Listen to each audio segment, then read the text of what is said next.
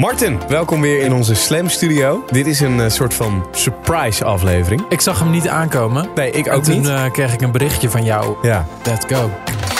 Als je begint met sporten, bedoel, als je begint met voetballen, dan ga je ook niet gewoon alleen maar tegen een bal aantrappen en dan hopen dat je beter wordt. Je gaat naar voetballes. En ik vind dat in fitness moet dat ook zo zijn. De, de avond ervoor nam ik een shot vodka, omdat alcohol natuurlijk vocht uit je lichaam onttrekt. Op de shoot zelf, nou ja, je hebt me van alles lopen voeren. Wat is de grootste fout die iemand maakt bij krachttraining als beginneling? Te veel gewicht pakken. Je kan echt een tas vol komkommers opeten. Maar wat wel lekker is, Gezond Verstand, de podcast. Hey, mijn naam is Jordi. Ik ben radio-dj bij Slam. En het afgelopen jaar ben ik 28 kilo afgevallen door maar wat te doen. Samen met Martin van Mensheld en experts proberen we erachter te komen wat de beste manier is om gezond te leven en in shape te blijven. Dit is Gezond Verstand, de podcast. Ja, ehm, dit is een eh, ingelaste uitzending, aflevering van Gezond Verstand, de podcast. Eigenlijk dus aflevering 6. En waarbij we bij de vorige aflevering al zeiden dat het de laatste was, is dit dan ook echt de aller, aller, aller, allerlaatste aflevering. ja, Dat is best wel spijtig is het ook wel. En eh, nou, dat, dat heeft ermee te maken dat, eh, dat ik andere dingen ga doen buiten Slam om. Dat is allemaal niet van belang. Eh, want ik wilde het eigenlijk nog even met jou hebben over de afgelopen maanden die ik heb doorgebracht. We hebben natuurlijk in de Gezond Verstand de podcast gehad over de strijd die ik heb gehad tegen de kilo's. Ik heb- ben inmiddels 32 kilo afgevallen. Nou, hoe ik dat heb gedaan en hoe jij ooit ook zoveel kilo's bent afgevallen. Dat hebben we besproken in de vorige afleveringen. Waarbij we heel veel experts hebben langs gehad. Rens Kroes, Marijn Schoeber, JJ Boske, Cindery James. Dat was heel tof. En de eerste naam. Norsli ook inderdaad nog bij de, bij de ene laatste aflevering. Ehm, en nu zijn we een aantal maanden verder. En, eh, toch ik- weer een aantal kilo's verder ook. hè? ja, ja, want is- de teller stond op 28, staat inmiddels op 32 kilo. Waar stopt het, hè? Maar Waar nou, stopt nou, het? hier is het inmiddels wel gestopt. Want Oké. er is wel weer een kilootje bij aangekomen deze week. Netjes. Uh, maar dat had allemaal te maken met, eh, met een shoot die ik heb gedaan voor Mensheld. En eh, nou, daar gaan we het over hebben, wat ik voor die shoot heb moeten doen. Maar ook hoe ik naar fase 2 ben gekomen. Dus echt weten wat ik in de sportschool doe qua krachttraining. Ik heb compound oefeningen geleerd, deadliften, squatten, benchpressen, noem maar, maar op. Voor het eerst van mijn leven. Ik vond het fantastisch. Um, maar ik, we, we vinden het ook belangrijk dat jij als, als nou, tussen aanhalingstekens normale luisteraar... dat je ook wat hebt aan deze allerlaatste aflevering. Dus we gaan het ook hebben over hoe Dingen jij... die niet alleen maar over Jordi gaan. Nou, precies. Dingen die... nee, laten we dat voorop stellen. Het wordt niet een grote Jordi-aflevering. Absoluut niet. Nee, het, ehm, we willen wat krachttips meegeven aan jou als luisteraar. En uh, dat gaan wij doen. Maar met, met, met eigenlijk de grootste kennis gaat, uh, gaat Bram Strik dat doen. Uh, deze man die heeft voor ons beiden heel veel betekend. Dat gaat over krachttraining, is een krachtcoach. Nou, we gaan Bram zo meteen ook introduceren, uitleggen wat hij doet. Uh, dus je gaat echt wijzer worden als het gaat om krachttraining. Aan het eind van deze aflevering weet je daar gewoon veel meer over. En uh, ik denk dat wij beide ook nog heel veel goede voedingstips hebben voor jou als luisteraar. Dus uh, kleine trucjes of handige dingetjes waardoor je net wat gezondere keuzes kan maken in de supermarkt. Waardoor je uh, wat makkelijker met je, nou ja, tussen aanhalingstekens, dieet om kan gaan. Dat soort dingen, toch? Een soort life hacks eigenlijk. Ja, het, het wordt gewoon... Ja, Fitness life hacks. ja, het wordt gewoon een aflevering waar je, waar je best wel veel van op gaat steken, denk ik. Hopen we. Veel beloftes vooraf. Ja, dat hebben we nu in ieder geval wel gedaan al, ja. Nu gaan we ze waarmaken. En uh, vergeet ons ook zeker niet even te volgen na deze aflevering. Na deze allerlaatste uh, finale aflevering van Gezond Verstand de podcast. Want Martin de Jong is gewoon op Instagram te vinden natuurlijk. Altijd. Volg niet terug, maar... nee. Ed Martin de Jong, gewoon met de Griekse ei is dat. Klopt. En je kunt mij ook zeker natuurlijk volgen. Ed Jordi Jordi met de i. Vind ik hartstikke leuk, vind ik hartstikke gezellig. En uh, zullen Nog we gaan... steeds heel veel reacties. Ja, dat vind ik heel echt. Het Ja. gaat rechtstreeks naar mijn hart. Elke keer als iemand zegt bedankt voor de podcast... of leuke podcast of een vraag heeft voor de podcast...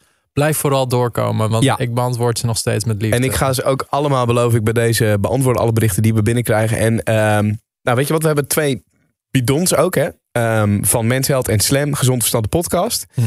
Eh, zullen we afspreken dat jij er nog eentje via Instagram weggeeft? Dat ik er nog eentje via Instagram weggeef? Gewoon aan iemand die ons een DM stuurt met een reden waarom zij of eh, eh, ja, een bi- bidon verdienen? Ik bedenk me net dat iemand nog steeds een bidon van me krijgt. Dus sorry, Oh. het meisje achter de balie in jouw sportschool, Jordi. Oh ja, dat zei ze. Ja, die, ik- krijgt nog ik- een, die krijgt er nog eentje. ja dat Sorry. klopt.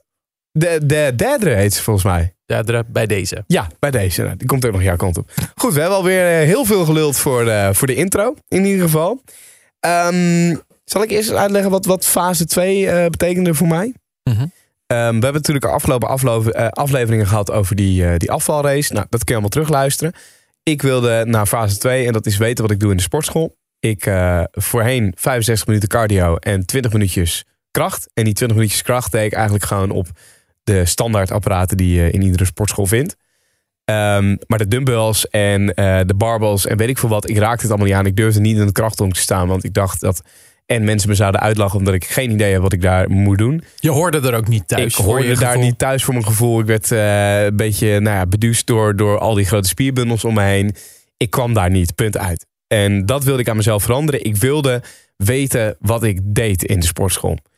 Ehm, wat was mijn doel? Mijn doel was de fotoshoot onder andere voor Mensheld. Die in het eh, blad gaat komen, het zomernummer. Super vet. Echt, ik sta er versteld van dat, dat jullie hebben gezegd, is goed. We gaan er een, eh, een fotoshoot bij doen. En ehm, ja, ik moest alleen nog even weten hoe ik dat ging doen. Ik moest ook qua voeding heel veel dingen gaan, eh, gaan aanpassen. Ja, met doen wat je al deed, zou je het niet redden. Dat is even... Kun jij omschrijven hoe, wa- wat, ik dan, eh, wat ik dan al deed, zeg maar? Wat dan niet goed genoeg was?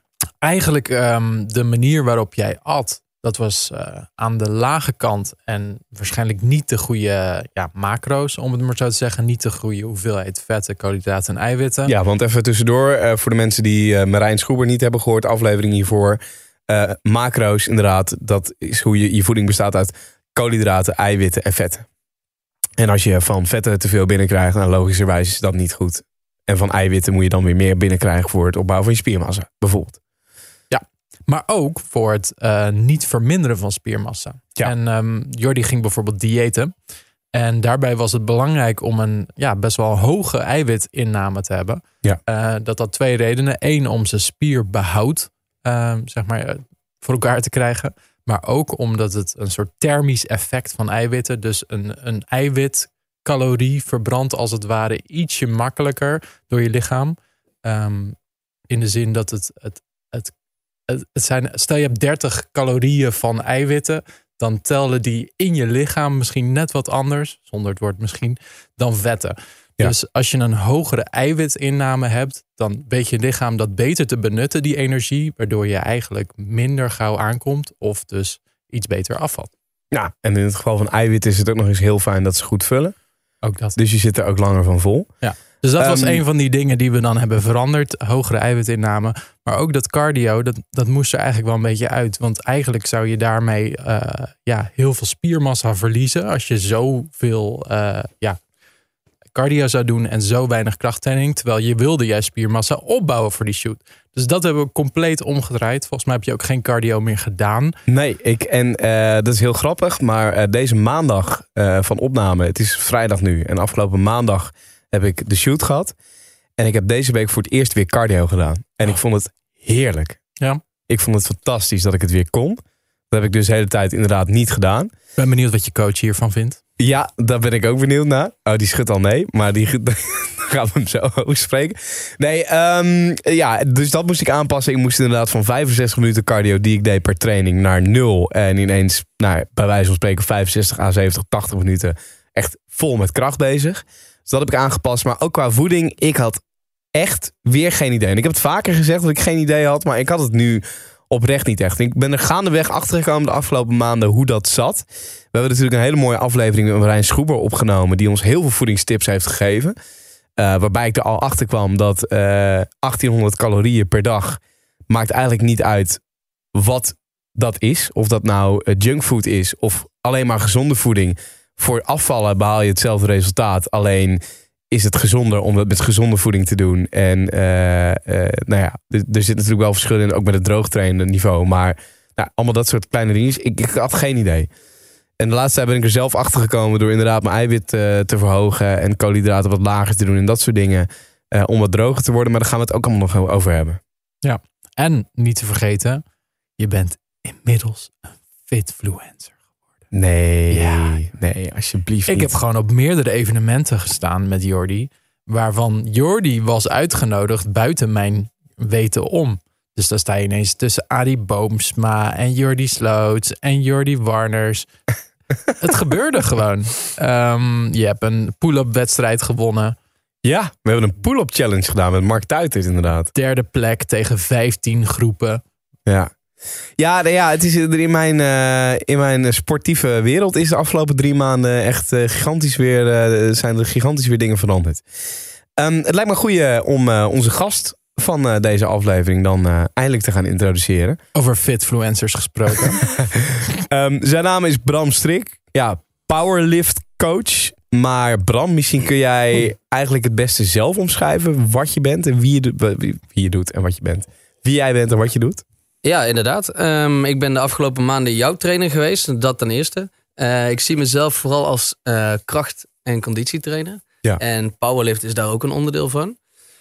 Nou is powerliften natuurlijk een goede basis voor de meeste mensen. Aangezien daar de basisoefeningen ook in zitten. En, en powerliften voor de duidelijkheid is heel zwaar tillen. Zo zwaar mogelijk als dat je fysiek in stand, staat bent. Of Ja, precies. Voor een persoon zelf. Dus dat kan voor jou betekenen dat je 100 kilo gaat optillen. En dat kan voor Martin betekenen dat hij 250 kilo optilt. Maar dat is inderdaad wel de bedoeling. zeg je ja. nou gelijk dat ik slapper ben dan Martin? Ja. nee, dat wisten we al. Maar eh, nee, eh, precies, dat is het powerlift gedeelte. Nee, Ja. inderdaad. Drie oefeningen dus. Dus Ja, nee, met de- powerlift zijn drie oefeningen inderdaad. En dat zijn ook een beetje de drie eh, basisoefeningen. Ik vind dat een pull-up, dus een pullbeweging, er ook nog wel bij hoort. Maar het squatten, bankdrukken en deadliften, dat zijn de drie oefeningen van het powerliften.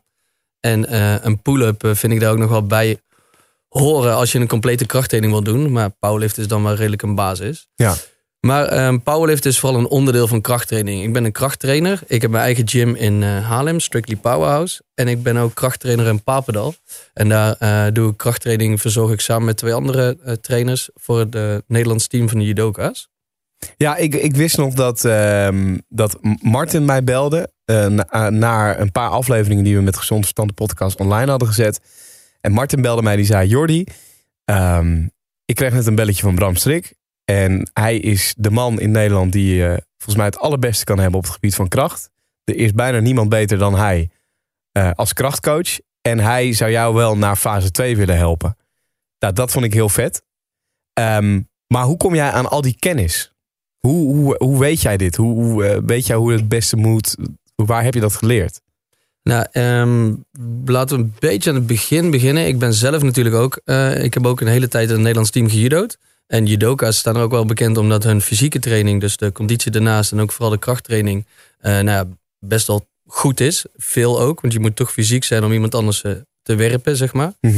Ehm, en toen is mijn interesse daarin begonnen eigenlijk. Daarna ben ik me steeds verder gaan verdiepen in krachttraining. En vooral krachttraining voor sporters. Ik ben van mening dat de krachttraining voor sporters is op een bepaald niveau.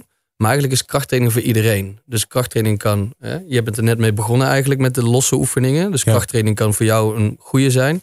Maar ook voor een sporter die eh, ja, volgend jaar op de Spelen staat. Ehm, jullie doen het alleen op een ander niveau. Jij begint net met squatten. En er zijn judokas die squatten met 200 kilo. Maar Ja. jullie squatten allebei. Dus Ja. daar gaat het om. Ehm, en ik ben steeds eigenlijk verder gegaan met mijn kennis qua krachttraining. Door eh, andere trainers te volgen, cursussen te doen. Ik heb bijvoorbeeld bij een Australische krachttrainer een, krachtcursus gevolgd. Omdat hij de sterkste mensen in de wereld eh, traint. Dus zelfs de, letterlijk de sterkste man van de wereld, de Mountain. hè, die heeft de sterkste man van de wereld gewonnen. Zijn krachttrainer, daar heb ik een cursus bij gevolgd. Dat leek me nou echt interessant. Hoe je zo iemand zo sterk kan maken. Dus het beste uit iemand te halen eigenlijk. Ehm, en vooral heel veel, heel veel, heel veel, heel veel zelf doen. Ja. Dus eh, als je denkt, ik werk zoiets van ja, 60, 70 uur in de week. En de meeste dingen die ik met mijn klanten doe, heb ik allemaal eerst zelf geprobeerd. Dus eh, gaandeweg, zeker omdat ik al op redelijk hoog niveau krachttraining deed vanuit mijn sportcarrière, ben ik dat zelf nog meer gaan doen op mijn klanten geïmplementeerd. En eigenlijk gaan we zo, heb ik eigenlijk een soort van eigen ervaring, waarbij ik nu eh, ja, zo mijn programma's schrijf en mijn klanten begeleid. Ja, nou heb jij eh, mij de afgelopen drie maanden ready gemaakt voor die shoot, maar ook mij naar fase 2 geholpen. Ehm, Martin heb je geholpen met het powerliften destijds, om een powerliftwedstrijd mee te doen. Ja, klopt. We wilden eigenlijk in twaalf weken zo sterk mogelijk worden samen. En toevallig viel dat ook heel mooi samen met een eh, powerlift schema. Die ook twaalf weken duurde. Dus Ja. dat was een soort match made in heaven. Nou, daar Ja. hebben we heel wat kilo's bijgetild in die twaalf weken. Ja, Wat- dat zeker. Het was Wat hebben jullie bereikt uiteindelijk qua kilo's? Ik ben van een eh 100 20 kilo bench press naar een 140 kilo bench press gegaan. Eh, van een eh, 240 naar een 250 eh, kilo deadlift. Jezus. Eh, en van een eh, hon, of twee, eh, nee, 180 kilo squat naar een 200 kilo squat keer 2. En vooral die squat was vooral ook nog echt een technisch ding. Want die squat die hij mij liet zien, die hij ooit had gedaan met 180 kilo, die vond ik niet helemaal top. Dus uiteindelijk heeft hij, eerst deed hij 180 kilo met, naar mijn mening, nog niet zo'n goede techniek. Nee. En uiteindelijk heeft hij, nou ben ik redelijk mild. Hè. Eh, en uiteindelijk heeft hij 200 kilo twee keer gesquat met gewoon een goede techniek. Dus daar was Ja, ik want- eh, nog blijer voor. Nou, zoek het woordje techniek op in de encyclopedie van de Sportpedia. En eh, Bram Strik zat er met een foto bij. Want dat was inderdaad, dat is wat ik gelijk merkte bij jou. Is jij zit bovenop die techniek. Die techniek, daar gaat het om. En dan pas gaan we gewichten tillen, bij wijze van spreken. Ja, zeker. Je moet, je moet het verdienen om zwaarder te gaan liften. Dus als je begint met een lege stang, eerst moet de techniek perfect zijn met een lege stang. Als je dat kan, dan ga je nog een beetje gewicht toevoegen. Kan je met 40 kilo, gaat het goed, technisch perfect, gaan we weer verder. Zo zorg je ervoor dat je blessurevrij krachttraining doet. Heel vaak pakken mensen veel te snel te veel gewicht. Eh, dat zie je heel vaak in sportscholen. Mensen met een slechte techniek met te veel gewicht krijgen pijntjes, krijgen blessures, vinden het dan niet meer leuk, gaan dan niet meer sporten. Dat wil je niet. Nee. Dus krachttraining is de bedoeling dat je zo perfect mogelijk beweegt. En zo is het ook een hele veilige manier van sporten eigenlijk. Want je, je traint je spieren, je kan calorieën verbranden. Maar als je alles perfect doet, dan kan er ook eh, ja, kan het serieus niks fout gaan. Ja, want je tilt echt bizarre gewichten. eh, echt voor een heleboel reps. Eh, je kan zeg maar twee uur bezig zijn met liften. We hebben echt sessies van twee uur gehad. Ja, En dan kom ik thuis en is mijn hele lichaam naar de tyfus. Maar er is niks kapot. Ja, Zeg maar. ja. Je, je, bent, je kan zeg maar niet lopen omdat mijn benen zo kapot zijn van spierpijn. Maar het is niet dat mijn knie naar de tyfus is. Het is niet dat mijn enkel probleem. Dus zeg maar, ze hebben zo'n blessure incidentiecijfer. En dat hebben ze ook aan powerliften gekoppeld. Nou, dat doen ze met voetbal en paardrijden en alle soorten sport. En powerliften is gewoon echt een van de veiligste s- Ja. blessure incidentiecijfers. Dus de mooiste cijfers die je kan vinden. Ja, powerlift is gewoon een goed voorbeeld. En dat is een, het is toch een, een sport eigenlijk. Maar het is een sport die ontstaan is uit krachttraining. Want ja, als je in de sportschool staat, wil je eigenlijk weten wie het sterkste is. Nou, wie is het sterkst in de sportschool? Ik. Dan ga je dus kijken. wie is het sterkst in de sportschool? Ja, niemand, eh, het maakt niemand uit wat je op een, eh, op een, op een chest press doet, zo'n apparaat. Ja, fijn dat je dat kan, maar het is toch eigenlijk wel de bedoeling te kijken wie met een stang op zijn borst het meeste kan bankdrukken. Wie er vanaf de grond het zwaarste gewicht op kan tillen. En daar is eigenlijk powerlift uit ontstaan. Dus, dus krachttraining is hetgene waar iedereen perfect moet in bewegen, in krachttraining. Powerlift is een onderdeel van krachttraining. En daar is eigenlijk nog steeds techniek het belangrijkste. Hey, en wat dacht jij toen, eh, toen ik binnenkwam lopen bij jou voor de eerste keer? Na de eerste training? Nou, het mooiste was eigenlijk dat ik toen nog aan het trainen was. Toen kwam jij binnen. Toen waren we volgens mij toen waren we samen aan het trainen. Toen waren we aan het squatten. Iets van Ja, jij en Martin. Ja. Oh, ja, wel 175 kilo.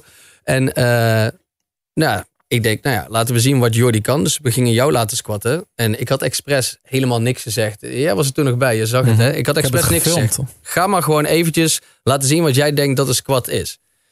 En toen, nou ja, probeerde je een soort van door je benen te zakken. Dat, dat, ja, dat was het wel een beetje eigenlijk. Ik, ja. Ja, ik had geen idee hoor. Nee, ik wist precies. Niet. Nee, Maar dat nooit was het gedaan. mooie ervan. En ik denk dat we zelfs in nou ja, een paar tips en een klein beetje eh, je geholpen met de beweging. En eigenlijk in 20 seconden was je squat al voor 60% verbeterd. Ja. Daarna zijn we nog verder gegaan. Wat gewoon wel duidelijk was, is dat de krachttraining die jij deed, was gewoon in een geïsoleerde, ja, controlled environment. Dus als jij in een apparaat zit die je alleen maar rechtdoor kan duwen, kan je ook niks fout doen. Nee. Maar je lichaam, dus de coördinatie, de spieren die moeten samenwerken om een gewicht omhoog te duwen, dat is er ook allemaal niet. Dus ja, wat je doet in een geïsoleerde beweging is alleen maar één spier trainen. Ja, meestal zijn er wel meerdere spieren die een beetje helpen. Maar hè, bij compound oefeningen, dus het perfecte voorbeeld van een compound oefening is een squat of een deadlift. Gebruik je zoveel spieren, dan haal je veel meer uit. Maar weet je die tips nog die Jordi destijds hebt gegeven? Want zijn dit algemene tips die je toen hebt gebruikt? Of was het heel Jordi specifiek? Ja, het was niet zo per se Jordi specifiek. Ik denk dat bij een squat is het heel belangrijk eh, dat je de controle houdt over je rug. Kijk, niemand moet met een bolle rug gaan squatten of deadliften. Alleen een te holle rug is ook weer een ding. Dus je moet van tevoren inademen. je buikspieren en je core eigenlijk aanspannen, zodat je je bovenlijf braced. Dan ga je rustig zakken door je knieën naar buiten te duwen en je billen naar achteren. En je probeert eigenlijk de hele beweging de grond uit elkaar te scheuren. Op die manier voel je de juiste spieren. Hè? De, de sterkste spieren in je benen, die moet je gebruiken. En je gaat helemaal diep totdat je heupbuiging onder je knieën komt. En dan duw je de wereld weer weg. En daarmee kom je omhoog. En hoe breed staan dan je voeten? Want, want nu als je zegt, duw je knieën naar buiten, stel ik heb mijn voeten naast elkaar, dan wordt het een soort diamant. Je- Mooi dat je dat zegt. Ik had er nog niet eens aan gedacht dat ik dat ook inderdaad nog moest uitleggen. Maar inderdaad, zal ik het zo zeggen, gemiddeld sta je op schouderbreedte als je gaat squatten. Mhm. Maar het is eigenlijk voor elk persoon anders. Dus eigenlijk is het een beetje bij elke vraag over krachttraining, ja, het ligt eraan. Want iedereen is anders. Jouw heupen zijn anders dan die van Jordi. Vrouwenheupen zijn anders dan die van mannenheupen. En zo heeft iedereen eigenlijk een beetje een, een stand waar je die moet staan. Ja. Wat belangrijk is, is dat je je tenen een heel klein beetje naar buiten zet. Want je knieën moeten ook naar buiten. Dus dan kan je kan je het beste eh, je knieën naar buiten blijven duwen en de grond uit elkaar scheuren. Ehm, en belangrijk is dat je, als je gaat squatten, dat je knieën dus niet naar binnen toe komen. Dus je wilde je knieën in lijn van je tenen hebben. Dus op het, zeg maar, als het zwaar wordt, zie je vaak dat knieën zo naar binnen klappen, zeg maar. Of gaan wiebelen zo naar binnen. Terwijl je moet ze dus juist ferm naar buiten duwen door je bilspieren aan te spannen. Nou, een perfecte squat is inderdaad als de knieën constant in lijn van de tenen blijven. Nou is het wel natuurlijk zo dat als je op een echt een hele, op een powerlift wedstrijd mensen wereldrecord ziet squatten, zullen de knieën wel een beetje naar binnen toe komen. Want je adductoren beginnen wel echt hard te trekken aan je Mhm. heupen op het moment dat je heel zwaar gaat squatten. Maar een perfecte squat, een veilige squat, want hè, als je een wereldrecord wil squatten, dan is het, is het eigenlijk alweer topsport. En topsport is nooit echt veilig. Ehm, maar een perfecte squat is inderdaad constant je knieën in lijn van je tenen. Top, Interessant. topsport is nooit echt veilig. nou ja, Nou ja, en- ik denk, denk en- dat je daar wel gelijk in hebt. En eh, nou, ik, ik kwam toen bij jou binnen. Toen, toen heb je eigenlijk gelijk een schema gemaakt van vier workouts per week die ik moest gaan volgen. Ja, klopt. Ehm, ik geloof dat het half januari was. En ik weet nog dat ik half januari een foto van mezelf maakte voor de spiegel. Zo'n heerlijke ongemakkelijke progressiefoto dat je in je boxershorts staat. En eh, waarvan ik meerdere malen nog heb gehad dat ik op mijn telefoon een screenshot van iets aan het opzoeken was. Wat ik aan een collega moest laten zien. Of een vriend of vriendin iets wilde laten zien in mijn fotorol. En toen stond er die heerlijke ongemakkelijke boxershort foto voor de spiegel. Ja, ook in de ja. filmrol. En dan moet je heel ongemakkelijke... Oh ja, eh, dan scroll je daar overheen. En ik weet nog dat ik een, een foto vier weken later maakte. hè, Dus na vier weken training bij jou. En ik Mhm. zag zoveel verschil aan mijn lichaam. Ja, z- maar sowieso zo'n zogenaamd ongemakkelijke foto is eigenlijk de beste indicatie hè, of je, dat je lijf verandert. Ja. Mensen zijn altijd zo gefixeerd op de weegschaal. Hè, dan staan ze op de weegschaal. eh, Eigenlijk misschien twee dagen later staan ze erop. Ik ben nog steeds niet afgevallen. Ja, Nee. Zo werkt het niet. Dus als jij, en jij wilde eigenlijk vooral gespierder worden. Hè? Ja. Dus hè, de weegschaal hoef je helemaal niet op te staan. Maak een goede, een goede, inderdaad, een selfie in de spiegel. En na vier weken kan jij dus in die spiegel zien hoe je lijf verandert. Ja. Het, het was, je- het, ik vond het echt bizar. Tot, tot zeg maar op mijn buik, et cetera, geen spierdefinitie. Ja, wat borst misschien. Mhm. Tot aan ineens lijnen zien en ineens gewoon zien wat er gebeurde. En daar had natuurlijk ook voeding voor een groot deel mee te maken. Want als je dat niet verandert, dan ga je het alsnog niet goed zien. Maar ik, ik stond daar echt versteld van. Ja. Kun jij uitleggen ehm, hoe dat schema is ontstaan? Of hoe jij bij dat schema kwam wat jij mij gegeven hebt en wat het precies inhoudt? Want ik weet nog Ja. dat... eh, ik ken het schema bijna mijn kop. Want dat ga je uit je kop leren op een gegeven moment. Volgens mij was het dag één bij mij. ehm, weet, je, weet je dat nog? Ik weet het even niet uit mijn hoofd. Ik maak echt 50 schema's twee weken of zo. Maar le- lekker betrokken eh, ben jij. Nee, grapje. nee, ik, Nee, ik wist wel inderdaad dat je vier trainingen deed. En ik had het wel eh, redelijk gesplit. Maar niet zo erg gesplit Nee, dat wacht, je ik maar... heb hem eh, hier. Ik heb hem hier. Ehm, dag 1, dat ging om squatten. Dus op dag 1 was ik aan het squatten en dan pull of press, dat soort dingen. Dus benen, et cetera. Dan dag 2 wide grip pull-ups. En dan echt met een dumbbell bench press. Dag 3 ging bij mij om deadliften. En dag 4 ging bij mij om bench pressen. Ja, dus de split die ik heb gemaakt bij jou. Eigenlijk is het wel zo dat je elke training eh, je hele lijf deed. Alleen er was steeds een nadruk op iets. Dus als jij eh, bijvoorbeeld een palm press. En die zit bij de squats. Maar een palm press is een core oefening. Dus hè, om je core... Ja, en om even een beetje proberen te visualiseren... terwijl Martin nog een druif in zijn mond stopt. Ehm, is dat Paul of Press ga je met een, eh, ja, of een elastiek of met zo'n apparaat waar zo'n zo'n touw aan hangt. Trek je dat ding. Ja, hoe kan ik dit nou visualiseren, jongen? Het is een anti-rotatieoefening. En wat je doet, is je gaat zelf recht staan. En je pakt of een kabel of een elastiek vanaf de zijkant. Ja. Die stoot je vooruit. En je Ja. zorgt er zelf voor dat je recht blijft. Nou, je voelt je, je, je- dat- ik voelde, dan voel je vooral je buikspieren en je, je hele zijkant, zeg maar, trekken. Precies, ja. ja. Dat is een van de beste core oefeningen. Of eigenlijk de beste core oefeningen zijn anti-rotatie oefeningen. Dus alleen maar een beetje op je rug liggen en crunchen om bij die buikspieren te krijgen. Liever niet. De beste core oefeningen, anti-rotatie oefeningen. Dus echt met een goede weerstand ervoor zorgen dat jij juist recht blijft. En een power press eh, zorgt er ook nog voor dat jij wat meer controle krijgt over die core. Dus als jij compound oefeningen moet doen, zoals een deadlift of een squat, waarbij je je core moet bracen, is een power press ook een hele fijne om te doen, om te leren. Want je moet daar ook bracen. Moeten we nog uitleggen wat de core is voor... eh, voor tenminste, ik, ik, had geen idee, hè, het vierde Mhm. maanden geleden wat de core was. Core is gewoon je hele lichaam. Toch? Ja, oh, zeg ik het? Oh, oh shit, Oh, oh ja, shit. nee, we waren mee. zover, Jordi. We waren Oh, zover. Oh, oh, toch niet. Oh, hele lichaam. Nee. Nee, ja, je... Ja, hoe leg ik dit uit? Probeer het eens uit te leggen, Jordi. Ja. Ik, eh, je, je core is... Wat is je core dan? ja, ik weet wel als ik het Nou, eigenlijk gewoon dan- als je je armen en benen eraf zou hakken, heb je je core Ja, dat. Ja, precies. Ja, oké. dat is niet je hele lichaam, maar ik, Ja. ik was op de goede weg in mijn Nee, hoofd. maar je, de hele core, dus je buikspieren, je rugspieren, je zijwaartse buikspieren. Dus al, die, al die dingen helpen mee in, in, in core oefeningen. Ja. Dus alleen maar een beetje rechte crunches maken, dat, dat is een beetje oldschool. Dat is al lang bewezen dat het niet heel lekker is voor je rug en dat je daar geen blokjes van krijgt. Blokjes krijg je alleen maar door beter te eten en een lager vetpercentage te hebben. Maar een sterke core, die je ook nodig hebt voor compound oefeningen bijvoorbeeld. En anti-rotatie oefeningen, dat is echt perfect om op een sterke manier te leren bracen. En dat is een hele goede core oefening gewoon te doen voor de definitie. Ja. Alles eigenlijk. En Ja. het mooie aan, ehm, zeg maar, ik deed of doe eigenlijk weinig tot geen eh, core oefeningen. In de zin, ik ga niet inderdaad die crunches doen of ook die rotatiedingen. Maar wat ik wel doe, is de squatten, deadliften en benchpressen.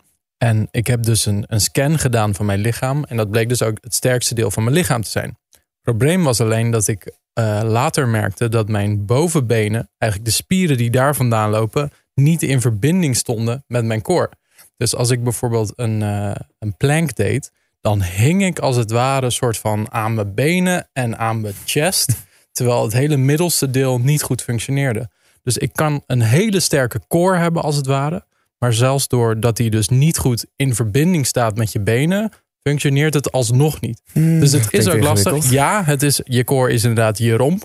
Maar die staat ook nog in verbinding met de rest. En dat is ook iets, de een heeft dat wel, de ander heeft dat niet. Maar daar kun je dus aan werken. Ik had binnen 10 minuten trainen met iemand die daar verstand van had. Had ik dat aan elkaar gekoppeld en kon ik ineens beter bijvoorbeeld een sit-up doen of een andere oefening, omdat ik wist hoe ik mijn benen ehm, ja, kon inschakelen en uitschakelen tijdens een buikspieroefening. Dus het is, het, is best wel, het is best wel een ingewikkeld dingetje. Het is niet alleen je buikspieren, zeg maar. Hey, en Bram, eh, nou luisteren er mensen die willen beginnen met krachttraining... of die met krachttraining goed bezig denken te zijn. Wat, wat is de grootste fout die iemand maakt bij krachttraining als beginneling? te veel gewicht pakken. Wat de mensen altijd doen is te zwaar eigenlijk, al te snel te zwaar gaan liften. Waardoor de techniek minder wordt. En ik kan het wel, het gewicht, hè, nog meer, nog meer. eh, slechte houding, waardoor je uiteindelijk blessures krijgt. Dan zeg je, nou het komt door die oefening. Zie je, dat is niet, niet goed voor mijn schouders. Dat is niet zo. Techniek is het allerbelangrijkste. Heb ik dat al een keer gezegd vandaag, dat techniek het allerbelangrijkste is? Nee, volgens mij nog niet. Nee. Nee. Technisch, je moet gewoon, als de techniek goed is en je maakt een bepaald aantal herhalingen en dat gaat de volgende week ook goed, mag je zwaarder. Dan ga je met het zwaardere gewicht, ga je weer proberen om nog steeds technisch uit, perfect uit te voeren. Dan mag je weer zwaarder. Wat, wat ik, wat ik ehm, zo fijn vond aan deze maanden... is dat ik niet hoefde na te denken over... eh, welk gedeelte van mijn lichaam training op, train ik op welke dag en in welke training. Dus Eigenlijk wat ik deed, is ik kreeg van jou de schema's. Ja. Jij leerde mij de oefeningen. Ja. Ik probeerde ze zo goed mogelijk uit te voeren. En ging dan één dag naar jou toe in Haarlem. En de andere drie eh, workouts. Nou, ik, ik, heb, ik heb vijf workouts per week gedaan. Waarbij ik dus vier workouts van jou volgde. En bij de vijfde was ik eigenlijk een beetje aan het kutten gewoon. Dus de losse oefeningen wat aan het doen. Of de schouders los een beetje aan het trainen. Gewoon om even lekker bezig te zijn. Ook op een vijfde dag in de week. Ja. Ehm, maar ik hoefde er niet na te denken over wat ik aan het doen was. Het lijkt mij heel moeilijk. Of ik, ik had het niet zonder jou gekund, omdat ik, ik zou niet weten waar ik moet beginnen, weet je wel? Ja. Want je hebt het over eh, push, pull, weet je wel? Volgens mij voor iedere push Mhm. oefening, als in benchpress die je doet, moet je eigenlijk ook gewoon een pull oefening doen en dat soort dingen. En ja, klopt. Waar begin je in hemelsnaam zonder iemand als personal trainer? Ja, ehm, op Hoe internet word zijn je zelf een Bram Strik? Vooral heel veel proberen. Dat is echt zo. Dus als je heel veel schema's en dingen probeert, dan uiteindelijk hè, kom je er zelf vanuit wat, wat wel of niet gaat werken. Maar eigenlijk is het slim.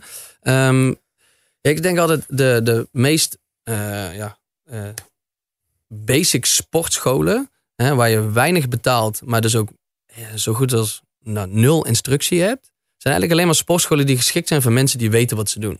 Ja. Als je begint met sporten, bedoel, als je begint met voetballen, dan ga je ook niet gewoon alleen maar tegen een bal aantrappen en dan hopen dat je beter wordt. Dan heb je dus, eh, je gaat naar voetballes. En ik vind dat in fitness, in krachttraining, moet dat ook zo zijn. Je moet wel leren bewegen. En de meest veilige manier voor mensen die beginnen is natuurlijk in een apparaat. Hè?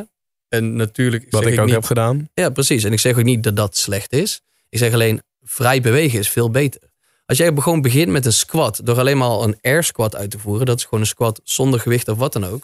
En die in de spiegel te oefenen om te kijken of je een rechte rug houdt. En je gaat proberen diep te zakken. En als dat goed gaat, dan pak je een klein gewichtje erbij van 5 kilo. En zo ga je steeds verder. Ja. Nou, dan begin je jezelf al te leren squatten. Ehm, maar ik denk dat het slim is, er, is genoeg, zijn genoeg trainers. Er is genoeg informatie op internet om jezelf hè, ehm, een beetje educatie eh, te, binnen te krijgen. Eh, om dat te leren. Maar ik denk, de beste manier om te beginnen is toch ergens een keer advies van iemand te vragen. Iemand die er echt verstand van heeft. En of dat nou iemand is waar, waar je eh, online een keer een schema van krijgt, waar je een filmpje naartoe kan sturen om te kijken naar je techniek. Of dat je een keer in ieder geval, voor mijn part, één keer in de twee maanden een personal trainer bezoekt. Hè? Om zo in ieder geval eventjes naar je techniek te laten kijken. Of een sportschool hebt waarbij je waarschijnlijk iets meer moet betalen. Maar waarbij je ook echt instructeurs in de zaal hebt. Die ten eerste jou helpen met een schema. Die jou helpen met techniek. Die na zes weken zeggen, nou, zullen we eens even kijken hoe het nu gaat. Eh, wat gaan we veranderen? Ehm, dat kleine stukje service en dit kleine stukje expertise die op dat moment erin zit. Daar betaal je iets meer voor. Maar daardoor, daardoor haal je zoveel meer uit je training. Ja. Dus ehm, zolang, me- zolang je weet wat je doet in de gym, vind ik het echt top als je gewoon zelf gaat. En de meeste mensen die bij zo'n sportschool eh, sporten, waarbij je weinig betaalt en geen instructeurs hebt, hebben eigenlijk ook een schema van iemand. Of ze nou een schema hebben van een vriend die ergens in de fitness werkt, of een schema vanaf internet. Maar er zijn maar weinig mensen die echt gewoon daar naar binnen gaan, alleen gewoon wat doen en weer naar huis gaan. Dus, De- maar is het dan zo dat je bij wijze van spreken, wat, jij, wat jou betreft, beter een half jaar abonnement bij een dure sportschool kan nemen, het gewoon leren en dan daarna lekker in een, in een fit for free zeg maar aan de slag gaan, Ja. in plaats van spartelen drie maanden lang in de fit for free, het daarna opgeven omdat je niet weet wat je doet en geen resultaten ziet. eh, en het dan of nog doorbetalen of Zeker. gelijk eigenlijk, stoppen. eigenlijk Dus liever ietsje, ietsje meer investeren in het begin en het gewoon leren. Net Ja, met precies. rijles, zeg maar. Ja, precies. Ja, Oké. maar letterlijk. Maar dat is met elke sport zo. Je moet eerst gewoon leren wat je moet doen. Er, er moet meer coördinatie zijn in je lijf. Je moet weten wat je gaat doen. In Ja. plaats van maar meteen ja, los te gaan in de fitness. En dan is het ook ineens heel leuk om in dat krachthonk te staan. Heb ik nu zelf vernomen. Ik ben absoluut geen expert nu in krachttraining. En mijn oefeningen kunnen nog steeds veel netter. Ehm, maar als ik sta te deadliften of ik sta wat achter, anders in het krachthonk te doen. En ik zie die enorme spierbundel waardoor ik drie maanden geleden nog dacht van nou ik ga niet naar het krachthonk. Die zie ik nu zijn rug krom trekken. Ja, daar vermaak ik me heel erg mee. Ja, ik, Ja. ik vermaak me sowieso altijd wel wat Ja, ik maar zie het is oprecht zo. Je ziet, je ziet mensen daar staan die daar dus iedere dag staan. Die doen dus iedere dag eigenlijk het compleet. Die zitten een hele rug krom te trekken met, met dat soort oefeningen. En dan ben ik nu niet eens expert, weet je wel. Dan heb Ja. ik een paar maanden nu met Ja. Bram getraind. En, en weet ik er wel wat van af. Maar Nou, wat je nu, wat, ehm, en dat is het mooie ervan. Wij hebben het er heel veel over gehad. Ik heb wel ook echt het gevoel dat ik hier wat heb geleerd over ja, krachttraining. absoluut. Eigenlijk probeer ik dat ook al mijn klanten en sporters ook mee te geven. Ik zeg niet gewoon alleen maar wat je moet doen en dat ga je doen. Maar als jij leert over krachttraining, ga je er ook zelf over nadenken. En inderdaad, nu valt jou dus op dat als iemand staat te deadliften met een volledig bolle rug.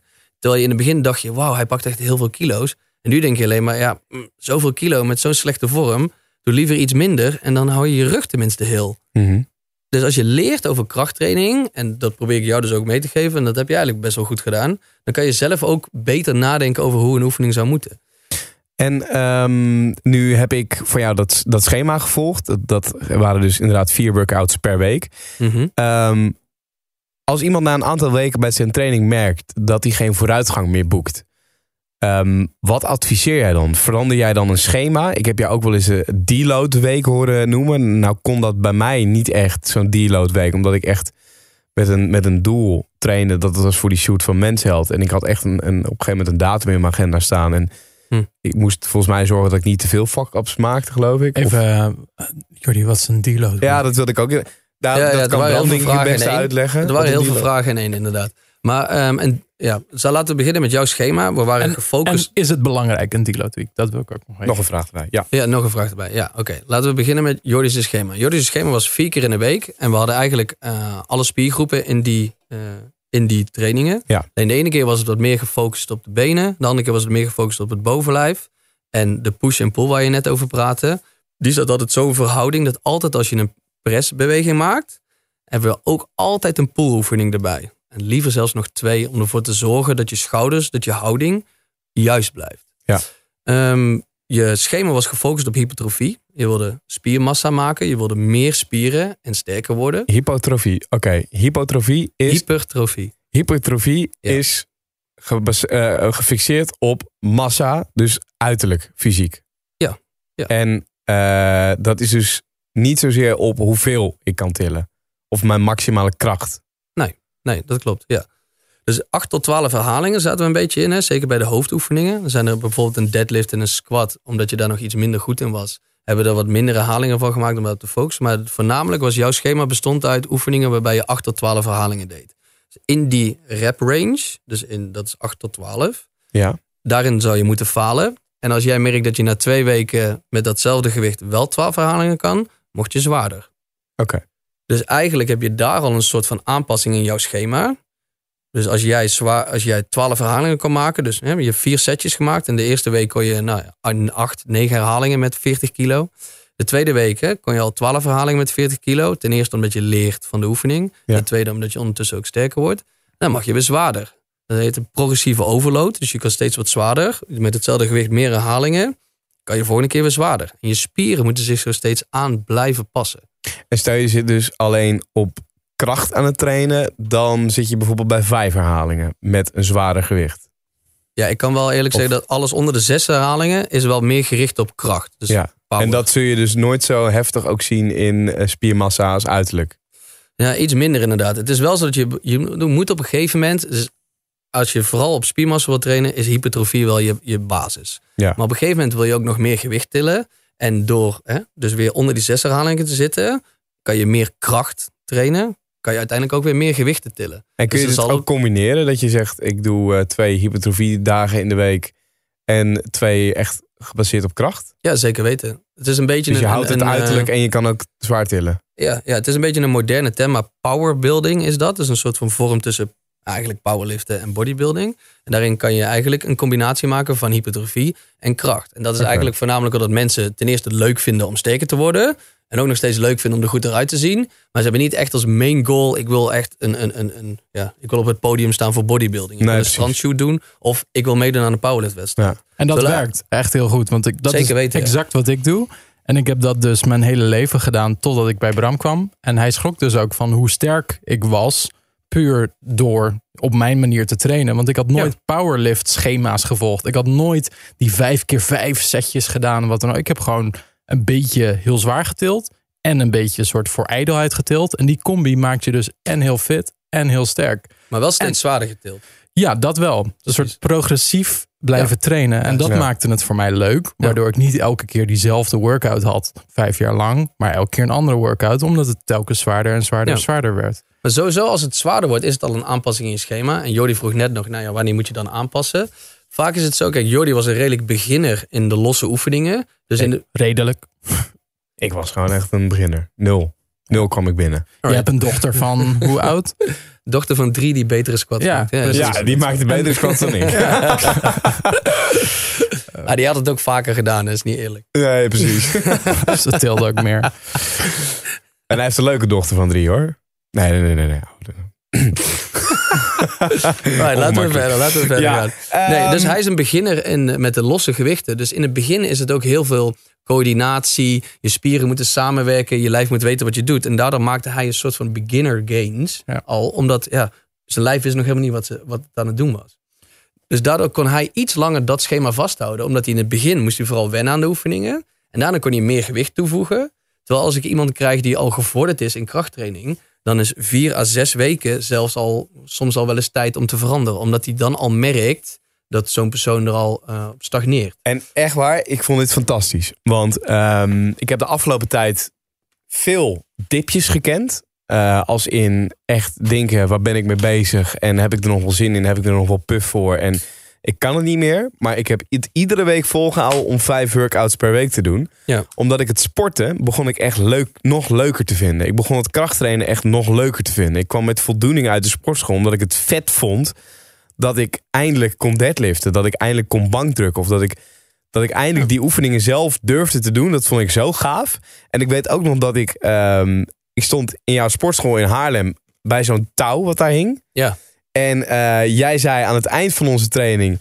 Ja, klim nou maar even in, zonder benen te gebruiken. En dat, dat, nou, hoe hoog is jouw plafond daar? Eh, ik denk zes meter of zo. Zes meter? Ja. En ik weet nog dat jij ook nog tegen eh, Mel zei... iemand die ook in jouw gym werkt, Ja. met jou werkt... die stond erbij zo van film het even. Dan kan hij over zes weken zien hoe hij het dan wel kan, maar nu niet. Zoiets was het toch? Ja, ja, ja. Ja, ja precies. En ik wist zelf ook niet, hè, want ik, ik had dat touw ook eh, nog nooit in een touw geklommen eigenlijk op die manier. En eh, ik weet nog, ik pakte dat touw vast en ik klom zo bam die zes meter in één keer omhoog zonder benen. Vond ik knap, ja. Inderdaad. En daar stond ik zelf versteld van. En dat is zo'n, dat was voor mij zo'n mooi moment zo van, hey, vet. Ik, ik, heb, ik ben echt Ja. vooruit gegaan. En daarom hebben we iets leuks voor je. Als je nu onder je bureau kijkt, Dan hangt daar een touw. het touw. Nee, maar het is echt, Hey, het is ik heb het ook gezien. om, Je hebt het eh, even voorgedaan. En dat, eh, dat was echt niet op techniek. Dat was brute kracht. En die had je dus blijkbaar. Terwijl, daar had je nooit voor getraind. Je hebt gewoon wat gedaan eerst. En blijkbaar Nou, heeft dat maar je ik- iets sterker dat was gemaakt. nou- dat was en dan wel Bram wat- heeft je super sterk gemaakt. Ja, dat was wel na een paar trainingen van Bram. Mhm. Maar ja, dat vond ik vet. Die, Ja, als na je die een paar progressie weken, boekt. Na een paar weken van vijf trainingen per week. Ik bedoel, het is niet zo dat je gewoon lekker twee keer in de week eh, drie kwartier naar de sportschool ging. Je hebt wel echt inzet getoond om die vijf keer in de week te gaan trainen. dat waren, dat ja, moet er wel waren- bij gezegd worden. Want hoe eh, zoveel progressie als jij nu hebt gemaakt, is ook omdat jij zelf zoveel inzet hebt getoond. Bedoel, ik ben blij dat ik met jou heb mogen werken, want je hebt echt 100% inzet. Ik heb wel eens mensen die dat een stuk minder doen hoor. Nou, dat vind ik heel tof om te horen. Want dat, eh, dat was ook een dingetje waar ik afgelopen aflevering natuurlijk ook over heb gehad. Ik had nooit van mezelf durven denken twee jaar geleden dat ik die discipline wel had. En dus bij deze nog weer voor iemand die aan het luisteren is, die denkt ik heb geen discipline, ik kan het niet. Iedereen is ertoe in staat. Ehm, maar ja, toen kwam ik ook bij het moment aan dat eh, ik in mijn voeding nog meer naar beneden ging. En dat ik ook, Martin, ik heb jou, nou, ik durf onze WhatsApp-gesprekken bijna niet terug te lezen qua hoeveel vragen ik jou gesteld heb. Het waren telkens soort kleine vragen waarvan je logischerwijs niet het antwoord wist. Die niet, vaak niet heel veel uitmaakten, maar die je toch terecht wilde stellen. En dat, dat konden echt van de, de kleinste dingetjes zijn waar je dan twijfels over had. En vooral met, zeg maar, richting de laatste paar dagen voor Ja. de shoot. Ja, ja. Dat weekend, dan merkte ik wel echt dat, dat jij met niks anders bezig was Nee. dan die shoot. Dat je zeg maar, ehm, even denken wat voor vraag je toen stelde. Heb, ben je het nu aan het opzoeken of lijkt het maar zo? Nee, ik, ik ben het nu inderdaad. Ik, ik, ik, ik weet nog, ik zie je. Ik, hm, ik heb nu kwa- kwarks klaarstaan. Kom ik, da- dan kom ik uit op 219 gram eiwitten. Is dat te veel eiwitten? En ehm, ik heb jou nog een progressiefoto gestuurd, zie ik. Dickpic. Dickpics heb ik jou nog gestuurd. En, Jij ook al? eh, Ja. Nou ja, gewoon van, van Nee. allerlei kleine vragen. Zoals in, Echt kan ik dit nu wel dingen. Het- eten? Of hoeveel gram eiwitten ik zitten? kleine dingen? Of- ik, ik snap het niet meer hoor. Ja, maar van alles in ieder Eh, geval. Nou ja, het was gewoon, ehm, je, je had meerdere opties dan. En, en een koos je van, nou moet ik A of B, zeg maar. Zo, was, zo voelde het een beetje, die Ja, gesprekken. ja. En ja, terecht. En elke keer koos je dan een stap weer een kant op. En die leidde weer tot twee nieuwe vragen. En Nou ja, die onzekerheid die gebeurt gewoon als je zo'n shoot hebt. Ik weet nog dat ik zelf hoofdpijn had een dag voor de shoot. En dat ik echt mijn coach heb geappt of ik nou aspirine mocht nemen of niet. Ja. Want je weet het gewoon niet meer. Je wordt zo onzeker als je iemand anders als coach hebt. Ehm, ja, je, je twijfelt aan alles wat je zelf bedenkt, tenzij diegene het gezegd heeft. Als je het hebt horen zeggen, ja, dat, dan dat, pas het. Precies. Dus- dat heb ik ook dus- gedaan met jou. Ja, en dat is, dat is prima. En dat Je had letterlijk kunnen zeggen, eet eh, rattengif op, eh, want eh, daar zo zie je er droger uit op maandag. En ik had het bij wijze van spreken gedaan. Ja, nou, jij, moest, jij was winegums aan het eten de dag Ja. van tevoren. De dag daarna had ik een shoot met iemand anders. En toen zei jij, huh, maar hoezo was hij dan de hele dag zoete aardappelen aan het eten als, als laadfase? Ja. En, en ik hoorde gewoon dat malen in je hoofd, een soort van, hé, maar hè, hoe, ik had gehoord dit. Ja, want ik kan wel even uitleggen hoe die, die week voor de shoot ging. Ehm, de week voor de shoot. Ik heb qua calorieaantal eh, ehm, rond de 2000, 21, 2200 gezeten de afgelopen maanden. Ehm, en daarbij ook zoveel mogelijk opgelet om die calorieën wel te laten bestaan uit inderdaad veel eiwitten. Eh, eh, wat minder koolhydraten. Maar qua koolhydraten heb ik ook niet heel veel geminderd. Het was niet heel heftig of zo. Ik heb me de afgelopen maanden ook best prima gevoeld qua energie. Dus het was niet dat ik me lichamelijk slecht voelde. Het enige waar ik heel veel moeite mee had, was dat ik mezelf alles wilde onthouden. Maar dat het eigenlijk ook in mijn hoofd wel moest. Dus dat ik ieder moment van de dag ook echt bezig was met nadenken over mijn eten. Ja. Dus eh, het, het, het ook heel moeilijk vond als ik dan een keer bij mijn schoonouders aan het eten was, omdat ik dat niet kon trekken. En wat ik ook ben gaan veranderen, is dat ik mijn, eh, mijn voeding ben gaan invoeren in MyFitnessPal. We hadden destijds de aflevering met Marijn Schoeber, die eigenlijk mij die aflevering nog de tip gaf. Joh, je zou eigenlijk eens een week lang je voeding moeten trekken. Toen ik hem dat hoorde zeggen op dat moment, dacht ik echt, ja maat, gaan we niet doen Met je weegschaal. Met je weegschaal. Ik heb letterlijk gezegd, ik vreet nog liever een week lang kapsalon. Ik kan het terugluisteren, je kunt het terugluisteren in de podcast. Ik eet nog liever een week lang kapsalon iedere dag, dan dat ik mijn voeding ga wegen. Ik heb, twee ik heb inmiddels twee keukenweegschalen. Eentje dan- voor thuis en eentje eh, voor, voor onderweg. En hoeveel eh, kapsalons? Nul. nee, maar omdat ik er op een gegeven moment achter kom, en dat is ook bij deze een tip die ik gelijk wil geven aan, aan, gewoon aan, aan, aan een luisteraar eh, die niet per se met droogtrainen bezig is, of die ook niet per se heel veel wil afvallen. Maar ik denk dat het voor iedereen handig kan zijn als je inderdaad voor een bepaalde periode eens gaat meten, eens gaat invoeren wat je nou eigenlijk eet. Dus het, het- precies het eerste wat ik aangeef bij als klanten aan mij vragen wat moet ik doen aan mijn voeding, zeg ik altijd meteen, ga het eerst eens een week bijhouden. Ja. Dan zien ze ten eerste zelf. En dat is al meteen een soort stukje bewustwording. Ja, en ik dacht ook, dat was ook een beetje de ding in mijn hoofd waardoor ik, waardoor ik er niet heel enthousiast over was, dat dat heel moeilijk zou zijn. En het klopt dat het moeilijk is op het moment dat je. Doe. En Ja, het, het, het kan wat moeilijk zijn op het moment dat je gaat uit eten. Of dat je bij iemand eet zonder dat je weet wat voor ingrediënten diegene gebruikt. Maar je kan alles scannen met MyFitnessPal. App op je gratis kun je downloaden. Je kunt ieder, iedere barcode, ieder product in de supermarkt staat daarin. Je scant het, je voert het in, je weet gelijk wat je eet per maaltijd. Dat heeft mij er heel erg bij geholpen.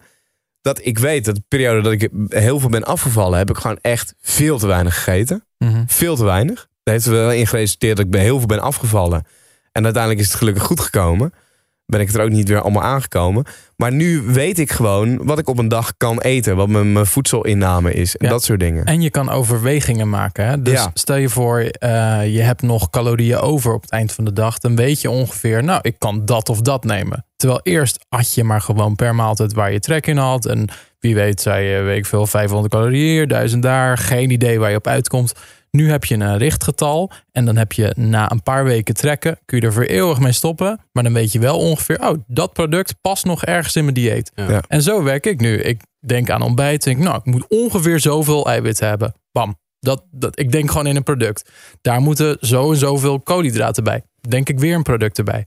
Vetten, hmm, hapje pindakaas, bam. Dus ik bedenk gewoon in producten mijn macro's. Dat gaat niet om calorieën, dat gaat puur om mijn macro's. Moet ik afvallen, dan schrap ik iets van die macro's. Dan gaan de vetten iets omlaag. Dan gaan de koolhydraten iets omlaag. Nog steeds op een, ja, een gevoel, zeg maar. Maar dat kan echt alleen als je jaren hebt getrackt of maanden hebt getrackt en weet waar je staat. Uh, dat het ook vooral gaat om de kwaliteit van het eten. Niet alleen maar gewoon zo Nee, min precies. mogelijk eten. Nee, precies. Je moet Nee, gewoon- want ik, ik kwam er ook achter dat ik mijn maaltijd aan het samenstellen was. En Dat ik dacht van, nou, ik ga, ik ga vanavond geen eh, droog, droge rijst eten met broccoli of zo. Nee, ik wil wel dat het lekker is als ik het eet. Mhm. Ja, dan kon ik ook gewoon zien, joh, ik heb nog zoveel calorieën over. Ik kan er een lekker sausje doorheen doen. Dat maakt helemaal niet Oh, uit. lekker. Dat maakt geen reet uit. Maar ja, het, het heeft mij heel erg geholpen bij de bewustwording van wat ik nou in mijn mond stop. En Ja, dat precies. als ik een roze koek wil eten, dat ik gewoon zie, ja, maar maat, je kan gewoon prima een roze koek eten. Het is 240 calorietjes. Mm. Ja, het is, het is misschien, als je hier als luisteraar voor het eerst hier zo naar luistert, denk je, ja, die is gek, moet, je, moet ik zo overal over na gaan denken. Maar het wordt gewoon automatisme op een gegeven moment. En als je gewoon een beetje wil genieten van het leven en je wilt tegelijkertijd ook in shape blijven, dan zul je daar wat, wat aanpassingen voor moeten maken. Maar die aanpassingen die gaan uiteindelijk heel makkelijk en die, die blijven gewoon op een soort van automatische trein gaan. Ja, als je financiële problemen hebt, is het eerste wat je doet kijken naar je uitgaven. Ja. Kijken naar je inkomsten. Dan zet je alles op papier. Nou, dit gaat, blijkbaar gaat er een heel groot deel naar puntje, puntje. Dan ga je daar veranderingen maken. Datzelfde doe je ook met je calorieën. Als blijkt dat zeg maar 2000 van je calorieën uit frisdrank komen, of uit wat voor zooi dan ook, dan ga je daar kleine veranderingen in maken. Maar als je het niet opschrijft, dan heb je geen idee. Nee. En het, het is natuurlijk ook voor mensen die willen aankomen en willen bulken. Eh, je zult gewoon moeten bijhouden wat je naar binnen werkt. Anders Zeker weet je ook niet waar je Ja. progressie in kan maken. Dus, dus dat heeft mij heel erg geholpen. En nou ja, de week van tevoren, voor de shoot, ben ik gedropt naar 1800 calorieën. is niet veel. Nee, eh, waarbij ik nog zeker weet dat ik eronder zat. Want ik at 1800, 1800 calorieën. Maar ik deed ook iedere dag een training. Want de laatste week heb ik zeven dagen getraind. Mhm. Waarbij ik vier workouts van jou heb gevolgd. Of Nee, vijf. Vijf van jou. Ja. En twee losse. Waarbij ik gewoon ook wat on the fly deed. Maar gewoon om de Ja, pond erin te houden. lekker wat doen. Ja. Ehm, omdat ik dat ook nog weer als advies van jou kreeg, Marten. Mhm. Ehm, maar ja, als ik iedere dag een training doe van, eh, hoe heet dat, 50 minuten en ik eet 1800 calorieën, Ja. dan zit ik waarschijnlijk er nog 300 onder. Ja, want het, het idee was een beetje. en ik- twijfel even of we dat nou eerder in podcast hebben besproken. Maar dat je als man eh, eigenlijk liever niet onder die 1800 wil zitten. Voor niemand niet. Dus dat is niet alleen voor iemand die mijnbouw heeft. Dat is echt voor elke man wil je echt niet onder die 1800 komen. Voor vrouwen is dat getal 1200. Dus dit zijn allebei richtgetallen. Liever nog ietsje hoger. Maar het idee is dat eh, als je daaronder zit, dat je eigenlijk te weinig energie binnenkrijgt, waardoor je organen, je stofwisseling, alles eigenlijk inlevert op ja, functie, zeg maar. Dus je, niks functioneert meer zoals het moet, omdat het bezuinigt op energie. Dat wil je voorkomen door in ieder geval, en dat nogmaals, het is dus echt een minimum, maar liever meer, die 1800 of 1200 als vrouw binnen te krijgen. Jij zat op 1800, daar ging nog een training vanaf. Bij krachttraining, ja, weet je, een zware leg day, dat, dat hakt er wel in. Dan heb je het over 300 calorieën. Maar stel je voor, jij was hardloper en jij at 1800 calorieën. En jij trainde 50 minuten drie keer in de week. Hm. Dat hakt er nog zwaarder in. Dat zijn calorieën die, de, de- daar moet je echt heel zwaar erbij eten. Anders dan, nou, je, je sloopt je lichaam zonder dat je het door hebt. Blijft er niks van hem over. Nee. Nee. nou ja, goed, uiteindelijk is het allemaal eh, goed gekomen. En, eh, We zijn allemaal opgelucht. Ja, weet, je wat ik, weet je wat er bij mij gisteren is gebeurd? Ik eh, heb gisteravond had ik een eten, etentje gepland met mijn vriendin. En we gingen naar zo'n eh, restaurant waar je aan zo'n bakplaat zit. En negen gangen. Ik wist ook al van tevoren wat er op het menu stond en wat ik ging eten. Dus daar had ik overdag rekening mee gehouden. Dus ik had overdag geen vette, weet je wel, dat soort dingen. Want ik wist, die zou ik die avond zelf wel krijgen. Eiwitten. Nou, dat was allemaal... Zeg maar, als ik, die ma- als ik het had gehouden bij die maaltijd in het restaurant... dan was het helemaal geen slechte dag geweest uiteindelijk. Ik heb een trainingje gedaan s ochtends. Maar Thuis toen gingen de door. drankjes erin. De drankjes erin. En nou, ik zat op een gegeven moment bij een bevriend restaurant. Er kwam een frikandelletje aan. Die ging er bij in. Oh, oh. Ik kwam thuis en ik was lam. En ik heb twee Snickers ijsjes naar binnen zitten werken. Ik heb een halve Milka reep naar binnen zitten werken als een monster. Als de plakken kaas hadden gelegen, had ik ze waarschijnlijk ook eh, van kant gemaakt. Ik, er, ont, er, er, er, er brak een echt monster los bij mij. En wat heb je ermee gedaan? De volgende dag werd je wakker. Voelde ik me daar. Ik had wel. Ik, ik gun het mezelf wat meer, omdat ik me natuurlijk heel erg strak regime had geleefd de afgelopen maanden. En terecht. Eh, Dus ik dacht ook wel iets. Ja, oké, kan gebeuren. Maar er zit nog wel. Ik heb het wel gecompenseerd deze twee dagen. Kijk. Gisteren en vandaag. Kijk. Ja. Door wel door te gaan met trainen. Ja. En eh, eh, vandaag en gisteren wat lager te blijven. Gewoon. Maar niet verhongeren, hè? Als je... Nee, zeker niet. Maar het, ja, het is natuurlijk een gevaar om te snel te veel weer te gaan eten. Ja. Kijk, ik heb zaterdag bijvoorbeeld heb ik een etentje gepland. Ehm, en als deze podcast online is, is dat, was dat dan gisteravond. Waarbij ik uit eten ga bij een onbeperkt spare restaurant. Ja, daar zie ik al maanden naar uit. Cash het gewoon. Ja, maar Ja. ik ga ook gewoon een benentraining doen eh, zaterdag. Niet Ga te, lekker niet squatten te veel alcohol erbij en dan komt het allemaal wel goed. Ja, dat, dat staat dus ook op de planning. Want we weten nu hoe je bent als je eten alcohol Ja. combineert. Dan eindig je als een frikandellenmonster. Ja. En dan word je misschien, als je dat vaak doet, het oude frikandellenmonstertje wat je ooit Ja, was. Maar ja, oké. maar dat alcohol, dat gaat er wel bij. Zaterdag. Ik ga ervoor. Ja. Oké. Ik zie angst in de ogen. van Nou, wat ik zo moet mooi af en toe vond ook kunnen. aan maar- jou is, eh, wij waren eigenlijk bezig met die voorbereiding van die shoot. En eigenlijk, ik sprak jou aan de telefoon elke twee weken. Ja. alle keren dat ik je sprak was het van ja. En ik was afgelopen weekend, ja, ben ik een beetje, hè, een beetje te ver doorgaan. Ik had een weekendje in puntje, puntje. En oh, ik was met vrienden weg. Oh, ik was met familie weg. Zelfs met al die weekendjes en maaltijden en oepsies heb je toch een ziek fysiek neergezet. Dus Zeker dat is ook wat Ja. Bram net zegt. Het moet ook kunnen. Ja, en, het, en daarom. het kan ook. En toen, ja, was het slim? Nee. Had je er misschien ietsje droger door geworden? Misschien, maar misschien ook niet. Want nu heb je het volgehouden doordat je af en toe die dagen hebt gehad waarbij het er even van nam. Ja. En misschien dat je daardoor op de maandag dacht, en nu doe ik het perfect. Dinsdag, perfect. Einde van de week, cheat meal. Prima. Dan blijf je ook niet eh, zo'n seniel mannetje die alleen maar aan het loggen is en in Ja. paniek in bed ligt omdat hij een appeltje daarom. te veel En er zit natuurlijk wel, kijk, dat schuldgevoel dat ga je altijd houden. Want het is echt, naast dat je fysiek met je lichaam bezig bent, is het met mentaal de strijd het allergrootste geweest de afgelopen maanden. Mhm. Want je kijkt jezelf iedere moment van de dag, als je een spiegel ziet, kijk je jezelf aan. Til je nog net niet je shirt omhoog om te kijken hoe de lijnen eruit zien. Ik weet niet, hoe, heb jij dat ook zo gehad toen jij aan het droogtrainen was? Nou, ik zou zeggen, ik stond hier net letterlijk in, het, in de badkamer. eh, en ik heb het net nog even gedaan. Ik weet niet waarom, maar ik stond Ja. voor de spiegel en toch even checken. je wordt er En zo is- ontzettend... en ik ben nu niet per se aan het droogte en ik ben nu niks aan het doen. Maar af en toe ben ik gewoon benieuwd. Ik denk, nou, hoe zou Ja. ik er vandaag uitzien? Bam, even check. Ja, dat is eigenlijk ja, dat is heel ziek. Dat, dat, eh, en ik heb het ook andere mensen. Ik heb ook de documentaire gezien van, eh van Woetroe, Wouter Smit. Mhm. eh, over dat hij in twee weken tijd ook een bodybuilder werd. En ook hij, had, hij ervaarde hetzelfde, maar ook prikkelbaar zijn. Dus ook echt om de kleinste dingen jezelf kunnen opwinden of boos worden.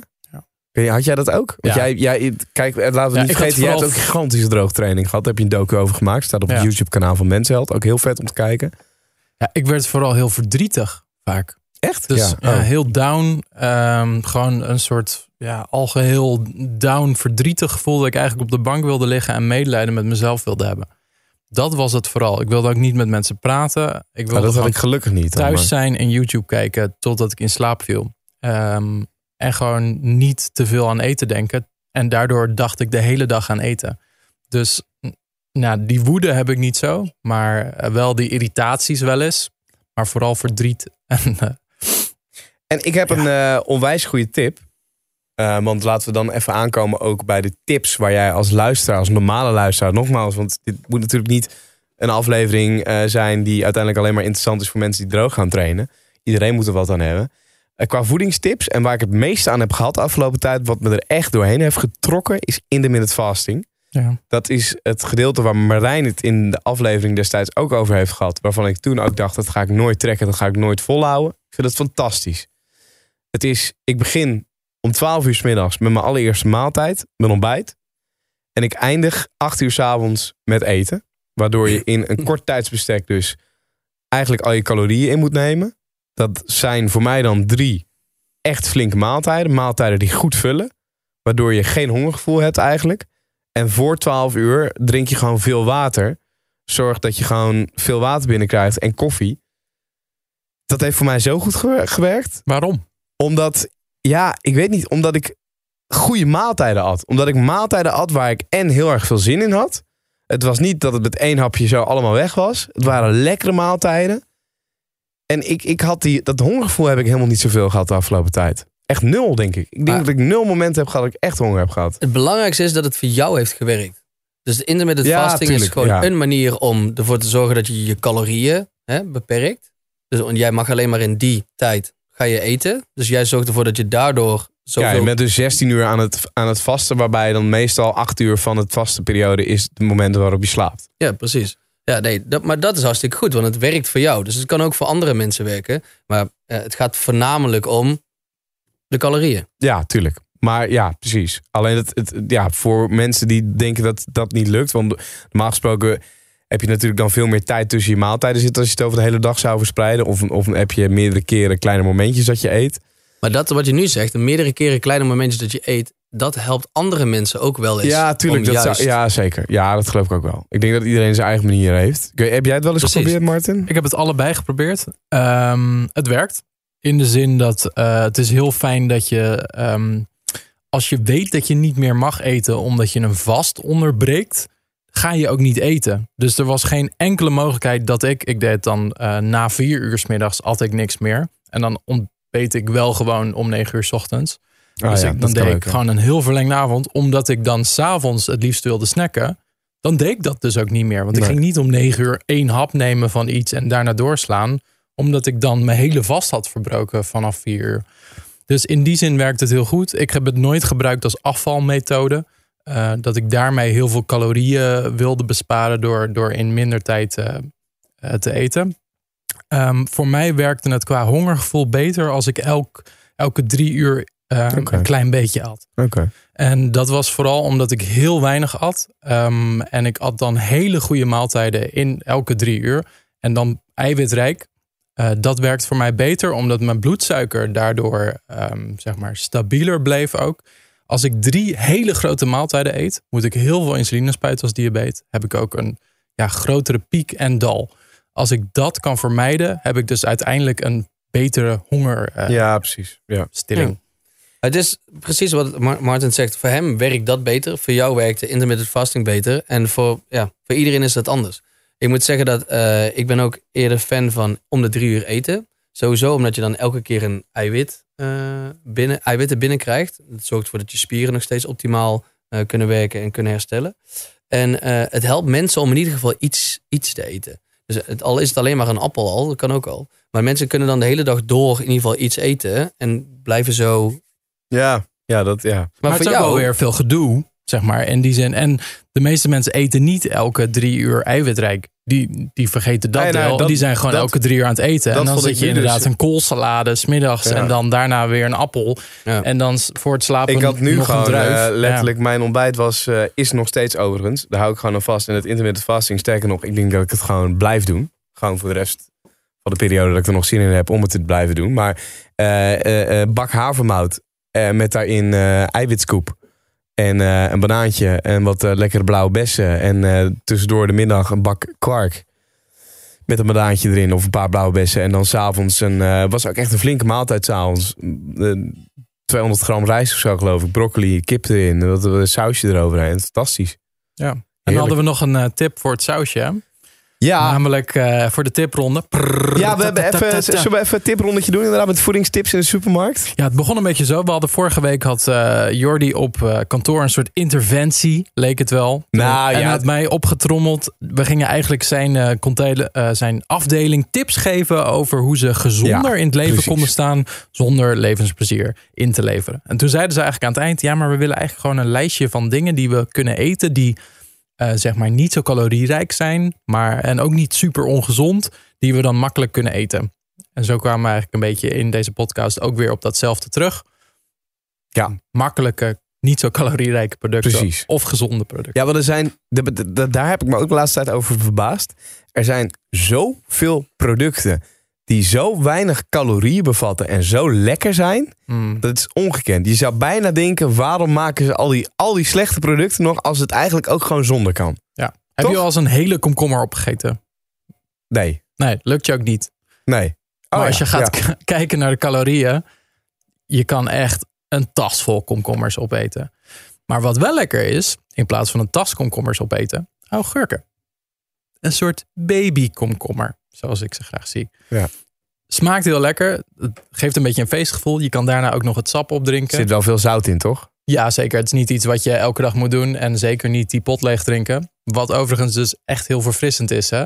Die meeste mensen kotsen al bij het idee dat je dat Mhm, zuur opdrinkt. mhm. Maar dat is dus helemaal niet zuur. Het smaakt heel verfrissend. En het heeft ook eh, bevorderlijke gevolgen voor je gezondheid. Namelijk, als jij eh, heel zwaar cardio hebt gedaan, dan vult het je elektrolyten ook weer beter aan. Dus eh, Je wat? elektrolyten. Bart, eh, Bram knikt alweer. Eh, Wat zijn elektrolyten? heb jij wel eens komkommerwater gedronken? Augurkenwater of Oh, komkommerwater? oh, sorry. Ja, nu Ja, hou ik ja. het door. Eh, elektrolyten. niet. dat is eigenlijk de, eh, als ik het goed zeg, de, de, de, eh, in je bloed heb je eigenlijk je, Eh, je eh. mineralen, et cetera. De soort mineraalhuishouding van, je- van je lichaam. Als ik het goed zeg. En als je heel veel zweet, dan verlies je dus elektrolyten. En het heeft ook te maken met je rode en witte bloedcellen. Ik durf het niet heel goed te zeggen. Shit. Nou, maakt niet uit. Maar eh, oké, dat vult dat dus aan. Dus jij zegt augurkensap lekker gaan drinken. Of in ieder geval augurken. In ieder geval de augurken. Waar ik ook achter kwam, want ook een tip was... en dan wil ik even Chris Deluxe als shout-out geven. Die gaf dat aan mij. Die zei, je moet eens in een chipsafdeling gaan... en daar staan de potjes salsa mild en salsa pittig. Hm. Dat zijn dus eigenlijk potjes saus... die bedoeld zijn als dip voor je chips. Ehm, maar er zitten 51 calorieën per 100 gram in. En in zo'n potje zit 300 gram. Hm. Je, je, je, je gooit twee eetlepels of drie eetlepels salsa mild... over je rijst met broccoli heen. Het smaakt fantastisch. En oké, er zullen misschien niet de, de beste macro's in zitten uiteindelijk at the end. Ehm, maar het is maar 51 calorieën wat je toevoegt aan je maaltijd, waardoor je wel ineens heel veel meer smaak hebt. Toen kwam jij later nog met de tip, eh, die van Heinz. Ja, de Heinz 0% Nee, ja, ketchup. 50% is Oh, het. sorry. Ja, 50%. Maar ook heel weinig. Ja, je kan eigenlijk zo'n hele fles kun je opdrinken, mocht je dat zo willen. Ehm, en daarmee heb je echt, wat is het, 100 calorieën binnengeharkt. Ja. Nou, het is wederom heel knap als je een complete fles ketchup eh, wegkrijgt. Dus met andere woorden, je kan, je kan echt zoveel mogelijk ketchup nemen als je wil. En je hebt daar calorietechnisch geen last van. Ehm, dus go for it. Nou ja, en, en eh, ook kleine dingetjes waar ik achter kwam. Eh, ja, het klinkt heel logisch, maar op het moment dat ik een biefstuk in de pan bak en ik bak het in olijfolie, dan denkt iedereen dat, die, dat je gezond bezig bent. Maar je vergeet even dat er in een eetlepel olijfolie meestal ook 100 calorieën zitten. Ja. Eh, die daar ook zo makkelijk bij tellen. Nou heb ik PAM-spray Ja. voor het eerst van mijn leven ontdekt. Is toch top? Ik vind het wel een nadeel dat je dat dus online moet bestellen. Eh, want ik kan het nergens in de supermarkt vinden. Maar het is dus gewoon spray voor in de pan. Het heet PAM spray. Ehm, en dat is 0 calorie of 4 calorie per spuit of zo, geloof ik. Ja. Maar ja, je bakt er je voedsel in. Dus daar heb je dan ook vervolgens geen last van eigenlijk. Wat eh, de makkelijke versie is, is gewoon de, de sprayversie van olijfolie in de winkel kopen. Dat is eigenlijk hetzelfde. Ja. Dan kun je eigenlijk, eh, nou je kan echt vijf spreetjes doen in een hele pan. En dan heb je alsnog echt iets van 16 calorieën. Oké. Dus, ehm, en, en het is ook niet zo dat je al die 16 daadwerkelijk binnenkrijgt. Eh stel je spuit ze in de pan, want een hoop Mm. blijft ook nog in de pan liggen. Ja. Dus dat is de 3 euro variant die echt eeuwig meegaat. En die kun je ook weer bijvullen met gewone olijf- olijfolie. Ehm, wat ik ook een hele goede vond, is ehm, Vinger in de keel. Vinger in je keel. nee, ehm, je hebt Optimal. Ja, ik, we, we maken geen reclame voor merken per se, we worden er niet voor betaald helaas, maar het mag altijd. En nee, je hebt Optimal, ehm, moet ik zeggen dat ik het goed zeg hoor, 0% Griekse yoghurt. Ja. Eh, vanille. Heb je meerdere smaakjes. Er zitten volgens mij 270 calorieën in één zo'n bak van 500 gram. En eh, dat levert je zo volgens mij 41 of 50 gram aan eiwitten op. Ja, dat is heel veel En voor een zo'n bak. feest qua smaak. En een feest, dat vind ik vooral. Want ik was op een gegeven moment zo klaar met die magere kwark waar geen smaak aan zit. Ja, het is heel verfrissend. Maar op een gegeven moment, je wilt gewoon, je wilt gewoon smaak aan je voedsel, toch? Op een gegeven moment, je bent er gewoon helemaal klaar mee. Maar ook in het normaal dagelijks leven wil je gewoon dat, dat de dingen e- die je eet lekker zijn. Maar ook eh, gewoon goed en gezond. En dat vond ik een hele goeie, bijvoorbeeld. Heb je nog meer tips? Ah, ik krijg zoveel honger weer van dit. Ja, ik ook. Misschien heeft Bram er nog een paar. Nee, ik vind het vooral belangrijk dat je genoeg eiwitten binnenkrijgt. Ik ben vooral krachttraining, zorg ervoor dat je lijf optimaal blijft. Eh, dat je gewoon altijd kan trainen en je spieren behoudt. Omdat als je je spieren behoudt, kan je ook meer calorieën verbranden. Dus in plaats van alleen maar, alleen maar te kutten op eh, voedsel en zo weinig mogelijk te eten, blijf gewoon altijd aanraden. Genoeg eiwitten binnenkrijgen en trainen. Om Ja. ervoor te zorgen dat je lijf gezond wordt. En waardoor je ook calorieën verbrandt. Dus dat is altijd het dubbele voordeel van krachttraining. Maar doe jij bijvoorbeeld eiwitshakes? Wa- Wat neem jij zoal qua eiwitten? Nou, ik vind dat eiwitshakes, eiwitshakes blijft altijd een supplement. Dus als je, als je echt goed je voeding op orde hebt, heb je eigenlijk geen eiwitshakes nodig. Ehm, alleen het is wel een hele makkelijke variant van eiwitten binnenkrijgen. Dus als mensen moeten Ja. trainen, daarna moeten ze naar hun werk. Het is toch even lastig om in de auto die bak kwark naar binnen te werken of wat dan ook. Hè?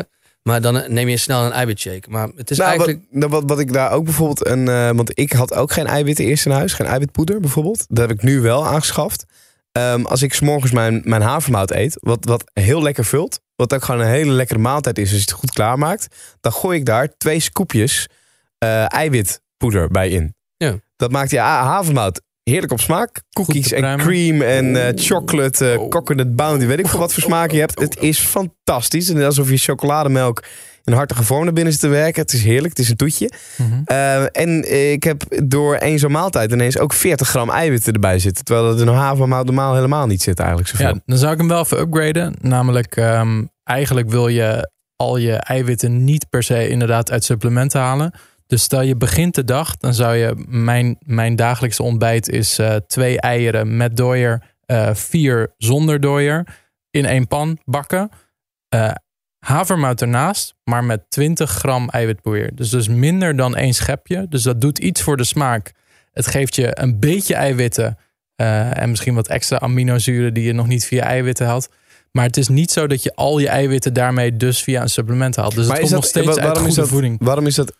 Ehm, het- natuurlijk is goede voeding. Ja, ik weet dat goede voeding logischerwijs goed is. Maar waarom is het eh, erg om een groot gedeelte van je eiwitten uit eiwitpoeder te halen, bijvoorbeeld? Als je daaromheen ook gewoon gevarieerd en gezond eet. Eigenlijk wil je gewoon niet één bron van producten nemen. Hetzelfde is, je kan al je eh, koolhydraten alleen uit rijst halen. Je kan al je vetten alleen uit olijfolie halen. Maar een veelzijdig eten is eigenlijk de key van gezondheid. Dus ja, je kunt zonder gezondheidsklachten prima elke ochtend twee scoops nemen voor de rest van je leven. Daar is echt niks mis mee. Maar mijn voorkeur en voorkeur van voedingsdeskundigen Mhm. en Zeker weten, ja. die zeggen eet iets gevarieerder. Dus ook al eet ik elke dag die eieren, ehm, ik eet dus niet als lunch weer eieren. En eh, bijvoorbeeld tijdens Nee, mijn, tijdens mijn eh, droogtrainen, 's ochtends eieren, 's middags kip, eh, daarna kalkoen en voor het slapen vis. Nou, dat zijn compleet verschillende bronnen. Ik ben niet zo van het rode vlees. Ik geloof dat daar wel een beetje ja, kankerverwekkende effecten bij komen kijken. Ehm, dus dat vermijd ik alleen tenzij ik uit eten ga. Dan vind ik dat heel erg lekker. Maar voor de rest, ik probeer wel echt te variëren qua bronnen. En dat, dat zou ik je wel aanraden. Kijk wel een beetje uit dat je niet... Want jij schept waarschijnlijk eh, in de lunch misschien ook nog wel een schepje erbij. Nee, dat heb ik nu wel. Tijdens het droogtrainen inderdaad wel. Dat zat ik op drie scoops maximaal per dag. Kan ook prima.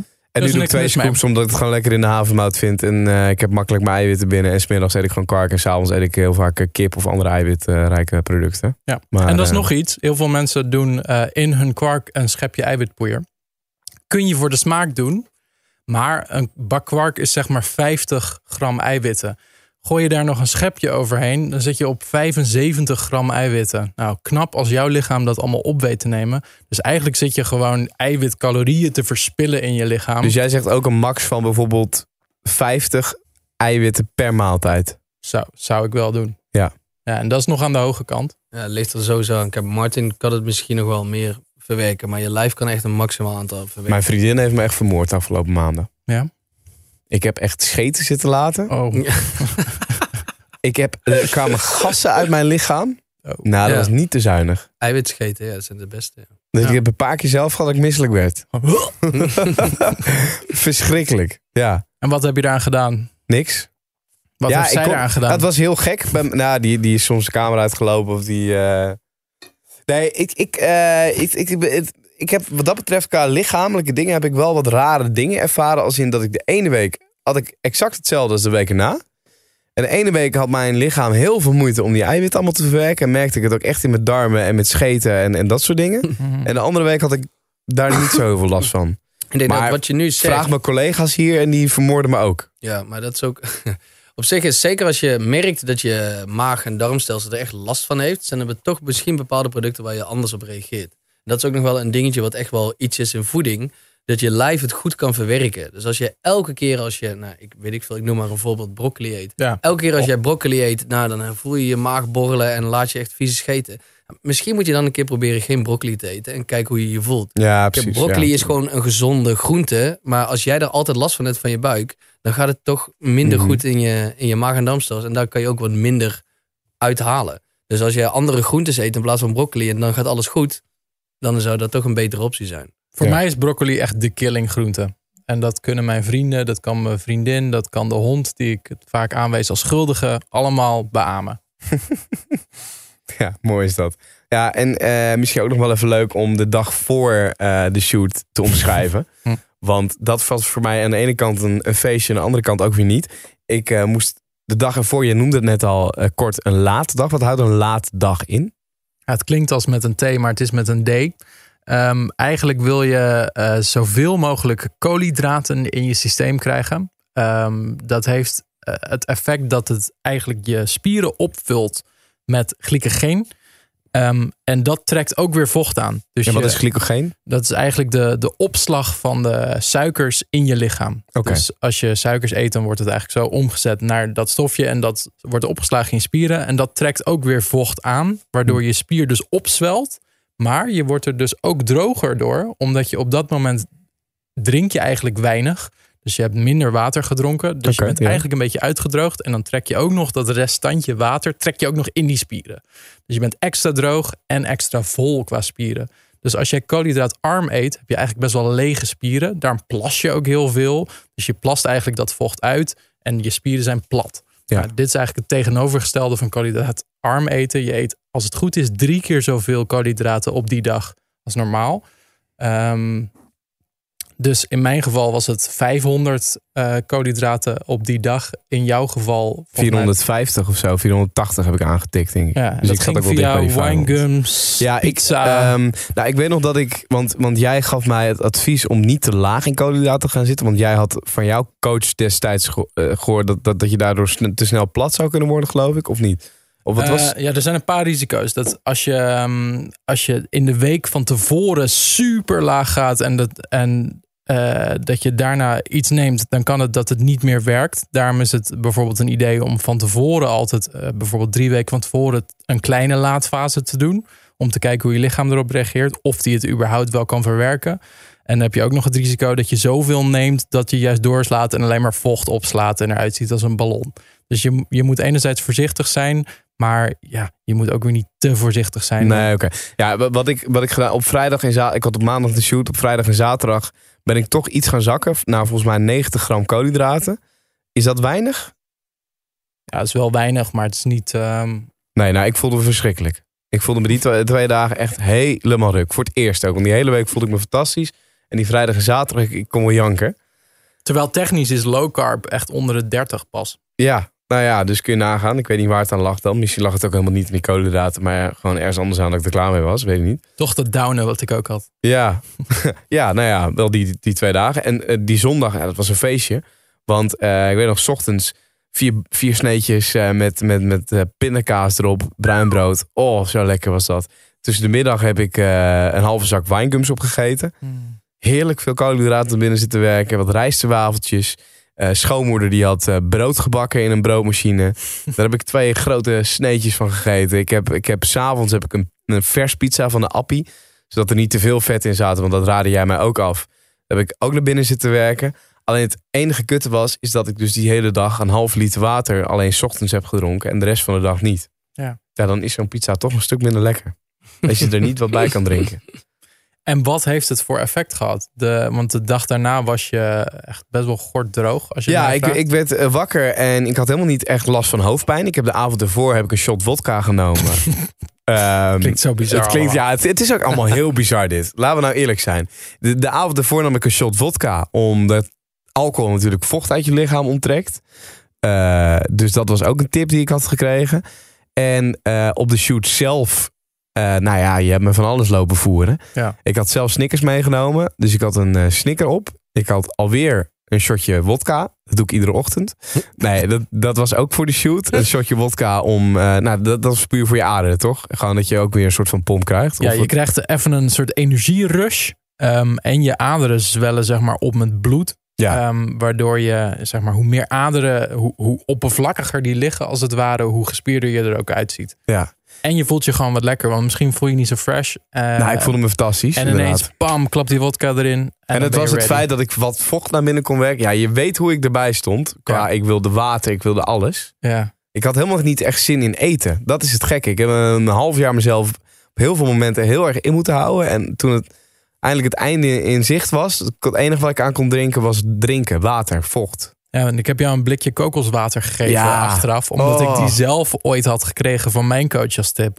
En ik, ja, ik wist niet wat ik meemaakte. En ik zag bij jou diezelfde emotie weer Ja, terugkeren. dat was zo onwijs lekker. Eh je hebt me nog rijstwafels tussendoor eh, zitten voeren. Mm. Die waren niet te vreten. Zo gorddroog als maar kan. Ik heb volgens mij een hele reep eh Dextro Energy naar binnen zitten werken. Ook nog van je gehad. Cafeïne. Cafeïne inderdaad, een dubbel shotje espresso. Nou, ik, ik heb wat in mijn lichaam gegooid. En, en, en nou, gewoon heel veel opdrukken, biceps, pompen en eh, nou, noem het maar op. Ik ben Ehm, zo benieuwd naar de, naar de foto's straks in het magazine. Ja, eh, denk je dat ik het er... Want dat is dan een soort van gewetensvraag slash slotvraag. Denk je dat ik het het meeste eruit heb gehaald? Was dit, Absoluut. ja? Ja, absoluut. had, ik, had, sowieso ik is verder, het- had ik er een beter resultaat uit kunnen halen in deze tijd? Of zo, als ik het... Ja, kijk, was je nooit dik geweest, dan had je er misschien anders uitgezien. Maar dan was je misschien ook niet zo gemotiveerd als nu. Nu heb je eigenlijk zo je best gedaan om ver weg te komen van de Jordi die je ooit was. Om nu de Jordi te worden die je wilde zijn, namelijk de Men's Health Jordi. Dat je echt hebt gevlamd. Je hebt gewoon zo je best gedaan elke dag weer. En ja, je werd er onzeker door. En ja, je werd er wel eens moe door. Maar je bent nooit niet gemotiveerd geweest om maar door te gaan. En dat, dat bewonder ik wel eh, echt. eh, en dat zie ik ook bij Bram, hoor ik hetzelfde zeggen. Zeker weten, ja. Dus eh, respect man. Inzet, zeker. Respect. Ja, thanks. Ja, ik, eh, ik ben ook heel erg benieuwd. Ik heb een traantje gelaten toen ik de eerste foto's zag op het beeldscherm eh, in, de, in de gym zelf. De Vondel Gym waar we het hebben gedaan maandag. Een klein eiwitscheetje en een traantje. En een klein eiwitscheetje en een traantje. Dat traantje dat zag gelukkig op dat moment niet niemand. Eh, maar ik eh, voelde me even emotioneel. Omdat ik echt dacht van nou, eh, wauw, dit, dit hebben we gedaan. En nu ga ik gewoon kijken waar ik, waar ik verder naartoe wil. Ja, maar ik want ben, je ik ben nog lang Je niet hebt klaar. nu natuurlijk een soort van fase 2 gehad. Een soort Ja. meer van een kennismaking met krachttraining. Ja. Wat gaan we nu doen? Nou, ik, ehm, ik wil nu eigenlijk gewoon weer voorzichtig toe naar een moment waarop ik... Bulken! Ja, vreten. Nee, ik, ik wil niet meer... eh, ik wil op een gegeven moment op het punt terechtkomen dat ik inderdaad niet meer met mijn calorieën ieder moment van de dag bezig ben. Dus dat ik Mhm. gewoon eh, iedere dag kan leven en kan eten. En dat ik in mijn achterhoofd weet, oké, wat hè, Martin dit zegt met de kennis die ik nu opbouw. Van dit kan ik eten, dit kan ik eten, dit kan ik eten. Zonder dat ik daarmee aankom of afval. En eh, ik wil met het krachttrainen echt door blijven gaan. Want dat vind ik echt superleuk. En ik wil daar progressie in maken. En ik wil misschien nog wel wat meer we- weten wat ik doe. Ja. En, eh, en, en ja, dat. Ja, precies. Maar wat je nu zegt, je hebt er veel plezier in. Je bent er meer over te weten gekomen. En eigenlijk, hoe meer je te weten bent gekomen, hoe meer er nog te ontdekken is. Dus eh, zoals mensen alleen maar naar de fitness gaan om een beetje calorieën te verbranden, op de crosstrainer te staan en een, en een apparaatje weg te duwen. Krachttraining is voor iedereen. Dus zoals jij nu de interesse en het plezier hebt gevonden in krachttraining, dat kan echt iedereen. Het plezier dat je de week erop alweer hè, meer kilo's wegdrukt, is, is al eigenlijk een soort van resultaat. Dus elke week kan je bij jezelf zien, en dat heb je bij jezelf ook gezien, dat je vooruit gaat. En krachttraining zorgt er eigenlijk ook nog voor dat je meer spieren aanmaakt, meer gaat verbranden. Hey, alleen maar Ja. positief. En kun je nog iets zeggen even over, ehm, want de, de aanname is dat het vooral voor mannen is, powerliften. Maar ik ben natuurlijk in jouw gym geweest en volgens mij bewijs jij het tegendeel. Ja, Ja, zeker maar dat weten. komt omdat Bram gewoon heel aantrekkelijk ook is. Ja, dat zei mijn vrouw ook inderdaad. Ja. nee, powerlift is zeker voor iedereen. Dus eh, krachttraining is voor iedereen, maar zeker ook powerlift is voor iedereen. Kijk, om eh, zeker als dames sterker willen worden en dus betere vormen willen krijgen, we zullen het bootybuilding noemen, dan moeten ze ook bepaalde gewichten op gaan tillen. Van ijzer worden vrouwen niet breed, maar wel beter gevormd. Dus als jij goede billen wilt bouwen, dan zijn deadlifts en squats wel echt een, een ding die je zeker weten moet doen. En hoe zwaarder jij kan tillen, hoe meer gains je kan maken bij die billen, de benen die je graag wil. En ehm, vrouwen willen, of eigenlijk is het heel mooi om te zien hoe fijn vrouwen het vinden om zwaar gewicht op te tillen. Het is een, toch een soort van accomplishment van, hey, ik heb eh 100 kilo gedeadlift. En om die, die trots die, wat je, waar je naartoe hebt gewerkt, om te laten zien: hey, ik ben sterk, ik ben een soort van ja, powervrouw om te laten zien. Terwijl ze gewoon nog steeds er gewoon fit uitziet. En niet als een man, zoals alle andere mensen denken. Hè? Maar gewoon een fit en krachtig persoon zijn. En de fun halen uit ja, kleine dingen, zoals meer gewicht optillen. En uh, ja, ik merk dat heel veel mensen, beginners, gevorderde mannen, vrouwen, iedereen begint het echt heel tof te vinden. Dus, uh, ja, En je hoeft dus ook niet een uh, fucking uh, The Mountain te zijn om aan te beginnen. Ik heb Zeker meisjes niet. daar op wedstrijden een lege stang met twee rode schijfjes, die zijn 2,5 kilo per kant, Mhm. eh, zien tillen. En dat is dus hun wedstrijdgewicht. Ja. Terwijl iemand anders was daar eh, 180 eh, kilo als vrouw aan het, aan het deadliften. Het kan echt allemaal. Er, juist, zeg maar, iedereen presteert voor zichzelf. En dat wordt aangemoedigd. Dus er wordt niet harder geklapt voor een 200 kilo squat. Als voor Dan- een 25 kilo. Nee, en dat is zo mooi. En man, Ja. vrouw, het maakt echt niet uit. Jij geeft volgens mij bijna meer aan vrouwen powerlift eh, training en eh, power hour dan aan mannen, als ik me niet Eh, vergis. Dat is ook vaak vooral omdat veel mannen denken al dat ze weten wat ze doen. Ja. En ja, dames gaan toch sneller al iets eerder, voor, zeker voor krachttraining, gaan ze al iets eerder naar een coach toe. En eh, nemen al iets eerder iets aan van me. Terwijl ehm, ja, mannen doen vaak, gaan eerst zelf doen. En komen eigenlijk pas daarna pas achter dat nou, misschien moet ik toch ook nog even om hulp vragen. Ik heb mijn vriendin ook meegenomen naar een eh clinic. En? Ja. Bankdrukkliniek. Ja, ze vond het leuk. Ze is niet, niet voor herhaling vatbaar voor haar, volgens mij. Maar ze vond het wel superleuk. meer. En dat, en dat vond ik ook wel, eh, ook wel een compliment voor haar. Omdat, eh, ja, de, nou, je- wat, wat, voor, wat voor gasten waren daar aanwezig op bij die, bij die eh, bankdrukkliniek toen. Nou ja, ik coach ook een jongen die is Nederlands kampioen bankdrukken. Dus die heeft laatst 180 kilo gebankdrukt, terwijl hij zelf 83 weegt. Die was er ook. En zij was er ook. En zij deed het met zeg maar een lege stang van 15 kilo. Ja, Er was een vader, die, een fysiotherapeut was er. Zijn zoon van 16, eh, die deed mee. Dus een heel verschillend publiek. Ja. Maar ja, krachttraining is echt voor iedereen. En iedereen doet het op zijn eigen niveau. En iedereen haalt er zijn benefits en plezier uit. Waar eh, kunnen mensen jou... Of, de- wacht, ehm, eerste vraag. Wat is de beste tip die jij kan geven, Bram, aan mensen die nu zitten te luisteren, die beter willen worden in krachttraining? En je, je hebt het natuurlijk wel veel gehad over begin niet te zwaar. Of, of, maar is er een gouden ding waarvan jij kan zeggen, kijk daar eens na. Of, of, of check dat eens, weet je wel? Of, Ja, uiteraard eh, kan je mij op Instagram volgen, zodat ik daar in ieder geval altijd al tips en eh, tricks eh, geef. Ik leg ja, dat is waar trouwens. veel Ja. uit ook. Je legt heel veel uit. Ehm, ook veel clinics waarbij je kan leren liften. En eigenlijk is dat ook mijn tip. Ga leren liften. Dus waar we het ook eerder al in de podcast over hebben gehad. Schakel eerst een keer iemand in. Hè, ook al is het maar eenmalig een personal trainer die je een keer goed uitlegt wat je moet doen voor functionele krachttraining. Mhm. Dus niet in een leg press zitten, maar een goede squat leren, een goede deadlift leren. Want daar heb je daarna zoveel aan. Terwijl als iemand een keer jou uitlegt hoe je dat apparaatje in moet schakelen hè, en dat dat apparaatje ook nog voor jou telt, dan word je echt alleen maar luier van. Mhm. Dus de benefits van een compound oefening zoals een squat of een deadlift, dat zijn de oefeningen waarbij je altijd nog op vooruit kan gaan en waar je altijd benefits uit gaat halen. Om die te leren en om dan zelf verder verder te gaan met krachttraining. Ja, jij geeft ook eh, dus clinics, hè, waar mensen zich voor eh, op kunnen geven. Squat en deadlift en benchpress eh, clinics. Ja, inderdaad, inderdaad. En we zijn ook bezig om te kijken, hè, misschien kunnen we ook een soort van hè, beginnerskrachttraining clinic opzetten. Ondertussen merken we zeker door deze podcast dat er heel veel mensen interesse hebben in, ja, ik wil wel graag naar de gym toe, maar inderdaad, net zoals Jordi, ik weet niet waar ik moet beginnen, dus ik blijf maar veilig in de apparaten zitten. Hè, dus we kunnen ook een keer een juist een clinic opzeggen, misschien wel samen met Jordi en eh, Martin, waarbij we het gewoon gaan hebben over algemene krachttraining. Hoe deel je dat in? Ja, lijkt me leuk. Ik ben erbij. En Strictly Powerhouse, eh, moeten we nog spellen op Instagram? Ja, Strictly Powerhouse is natuurlijk voor mijn achternaam Strik. Dus vandaar dat we Strictly Powerhouse noemen. Ja, dus S-T-R-I-K-L, Griekse ei en dan laagstreepje Powerhouse, toch? Volgens mij vergacht je de T, maar ja, Strictly. Strict, oh ja, laagstreepje Powerhouse. strictly, laagstreepje Powerhouse. Ja, daar kunnen we Bram vinden. Ehm hè? Nou, Het voelt een beetje alsof we toekomen bij het moment waar we niet naar uitkijken. Maar we die gaan nu Marco Borsato instarten. Afscheid nemen bestaat niet.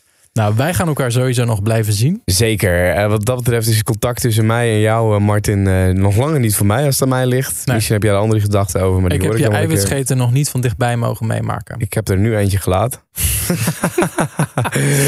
Kruipt iets onder de tafel. Ehm, Nee, ja, ik vond het echt ontzettend leuk. Dat hebben we bij de vorige keer. Hebben we eigenlijk al een soort van afscheid genomen voor mijn gevoel. Dus laten we het niet dramatischer maken nee, dan zeker het was. niet. Zeker niet. Leuk als jullie nog deze aflevering hebben geluisterd. Het was een soort, ja, bijna een soort one-off laatste aflevering. Ehm, ik vond het tof dat eh, je erbij was. Ik vond het leuk om jouw verhaal te horen. Ook eh, vanuit een soort eh, ja, coachplek, als ik mezelf zo mag noemen. Nou, Zeker nee, maar dat, dat, dat, dat ben je heel erg voor me geweest. Omdat je me heel erg veel tips hebt gegeven. Maar ook omdat echt waar, jongens, Martin is zo'n ontzettende grote beer van een vent. Als je die voor het eerst tegenkomt, dan word je een beetje een soort van ja, geïntimideerd door zijn, door zijn grootheid, zijn, zijn mannelijkheid. Zijn grote baard, en noem maar op. Maar het is, je bent zo'n aardige gast die op, op zo'n doe maar normaal manier eh, eh, heel veel tips aan mensen wilt geven over hoe je gezonder in het leven kan staan. En dat het allemaal niet zo, eh, hoe heet dat, zo, zo, zo fitboy moet of wat dan ook. En geniet ook een beetje van het leven. Dat vind ik zo mooi aan je. En ik vind het ook mooi dat je mij daarin heel veel advies en gratis tips hebt gegeven de afgelopen tijd. En heel veel motivatie hebt gegeven om vooral door te blijven gaan. Dat vond ik heel vet. Daar wil ik jou voor bedanken, Bram. Ik wil jou heel erg bedanken dat jij me de afgelopen drie maanden de tijd in me hebt gestoken om ja, mij dat toch naar fase 2 te brengen. Mij toch te leren hoe ik moet deadliften, hoe ik moet bank drukken en noem maar maar op. Yes, en eh, wat yes. mij betreft zijn wij met elkaar ook nog lang niet klaar. Zeker weten van niet. En eh, dat vond ik gewoon allemaal heel vet. En ik hoop gewoon dat we met z'n drieën of dat we met z'n tweeën, Martin, of nou in welke combinatie dan ook gaan eh, door blijven rammen. En het avontuur moet wel eh, verder gaan, denk ik zo. Ja, en ik wil ook de luisteraar bedanken voor alle toffe, lieve berichten. Ik heb me vereerd gevoeld. Martin, jij ook volgens mij. Ja. Met, met, met, met lappen tekst die we hebben binnengekregen. Met persoonlijke verhalen van mensen die ook een hele afvalstrijd achter de rug hebben. Die motivatie hebben gekregen door onze podcast. Door de verhalen die we gedeeld hebben. Die echt dingen hebben gehad aan de tips. Ja, blijf die berichten vooral naar ons sturen. Ed Martin de Jong op Instagram met de Griekse I. Jordi Warners op Instagram met Jordi met de I. Dat hebben een lastige naam eigenlijk. Ehm, ehm, en blijf ze vooral sturen, want, want ik wil blijven eh, eh, beantwoorden die berichten. Ik, ik wil je tips geven, ik wil je vragen beantwoorden. Blijf sturen, want dat vinden we fantastisch. Dus we eigenlijk concluderen we gewoon, we houden contact. We houden contact en eh, dit was het. Gezond Verstand, de podcast, dan echt de allerlaatste aflevering. Aflevering 6. Laat een duimpje achter, een reactietje achter. Een liken, abonneren, noem maar maar op. En wie weet, tot ooit.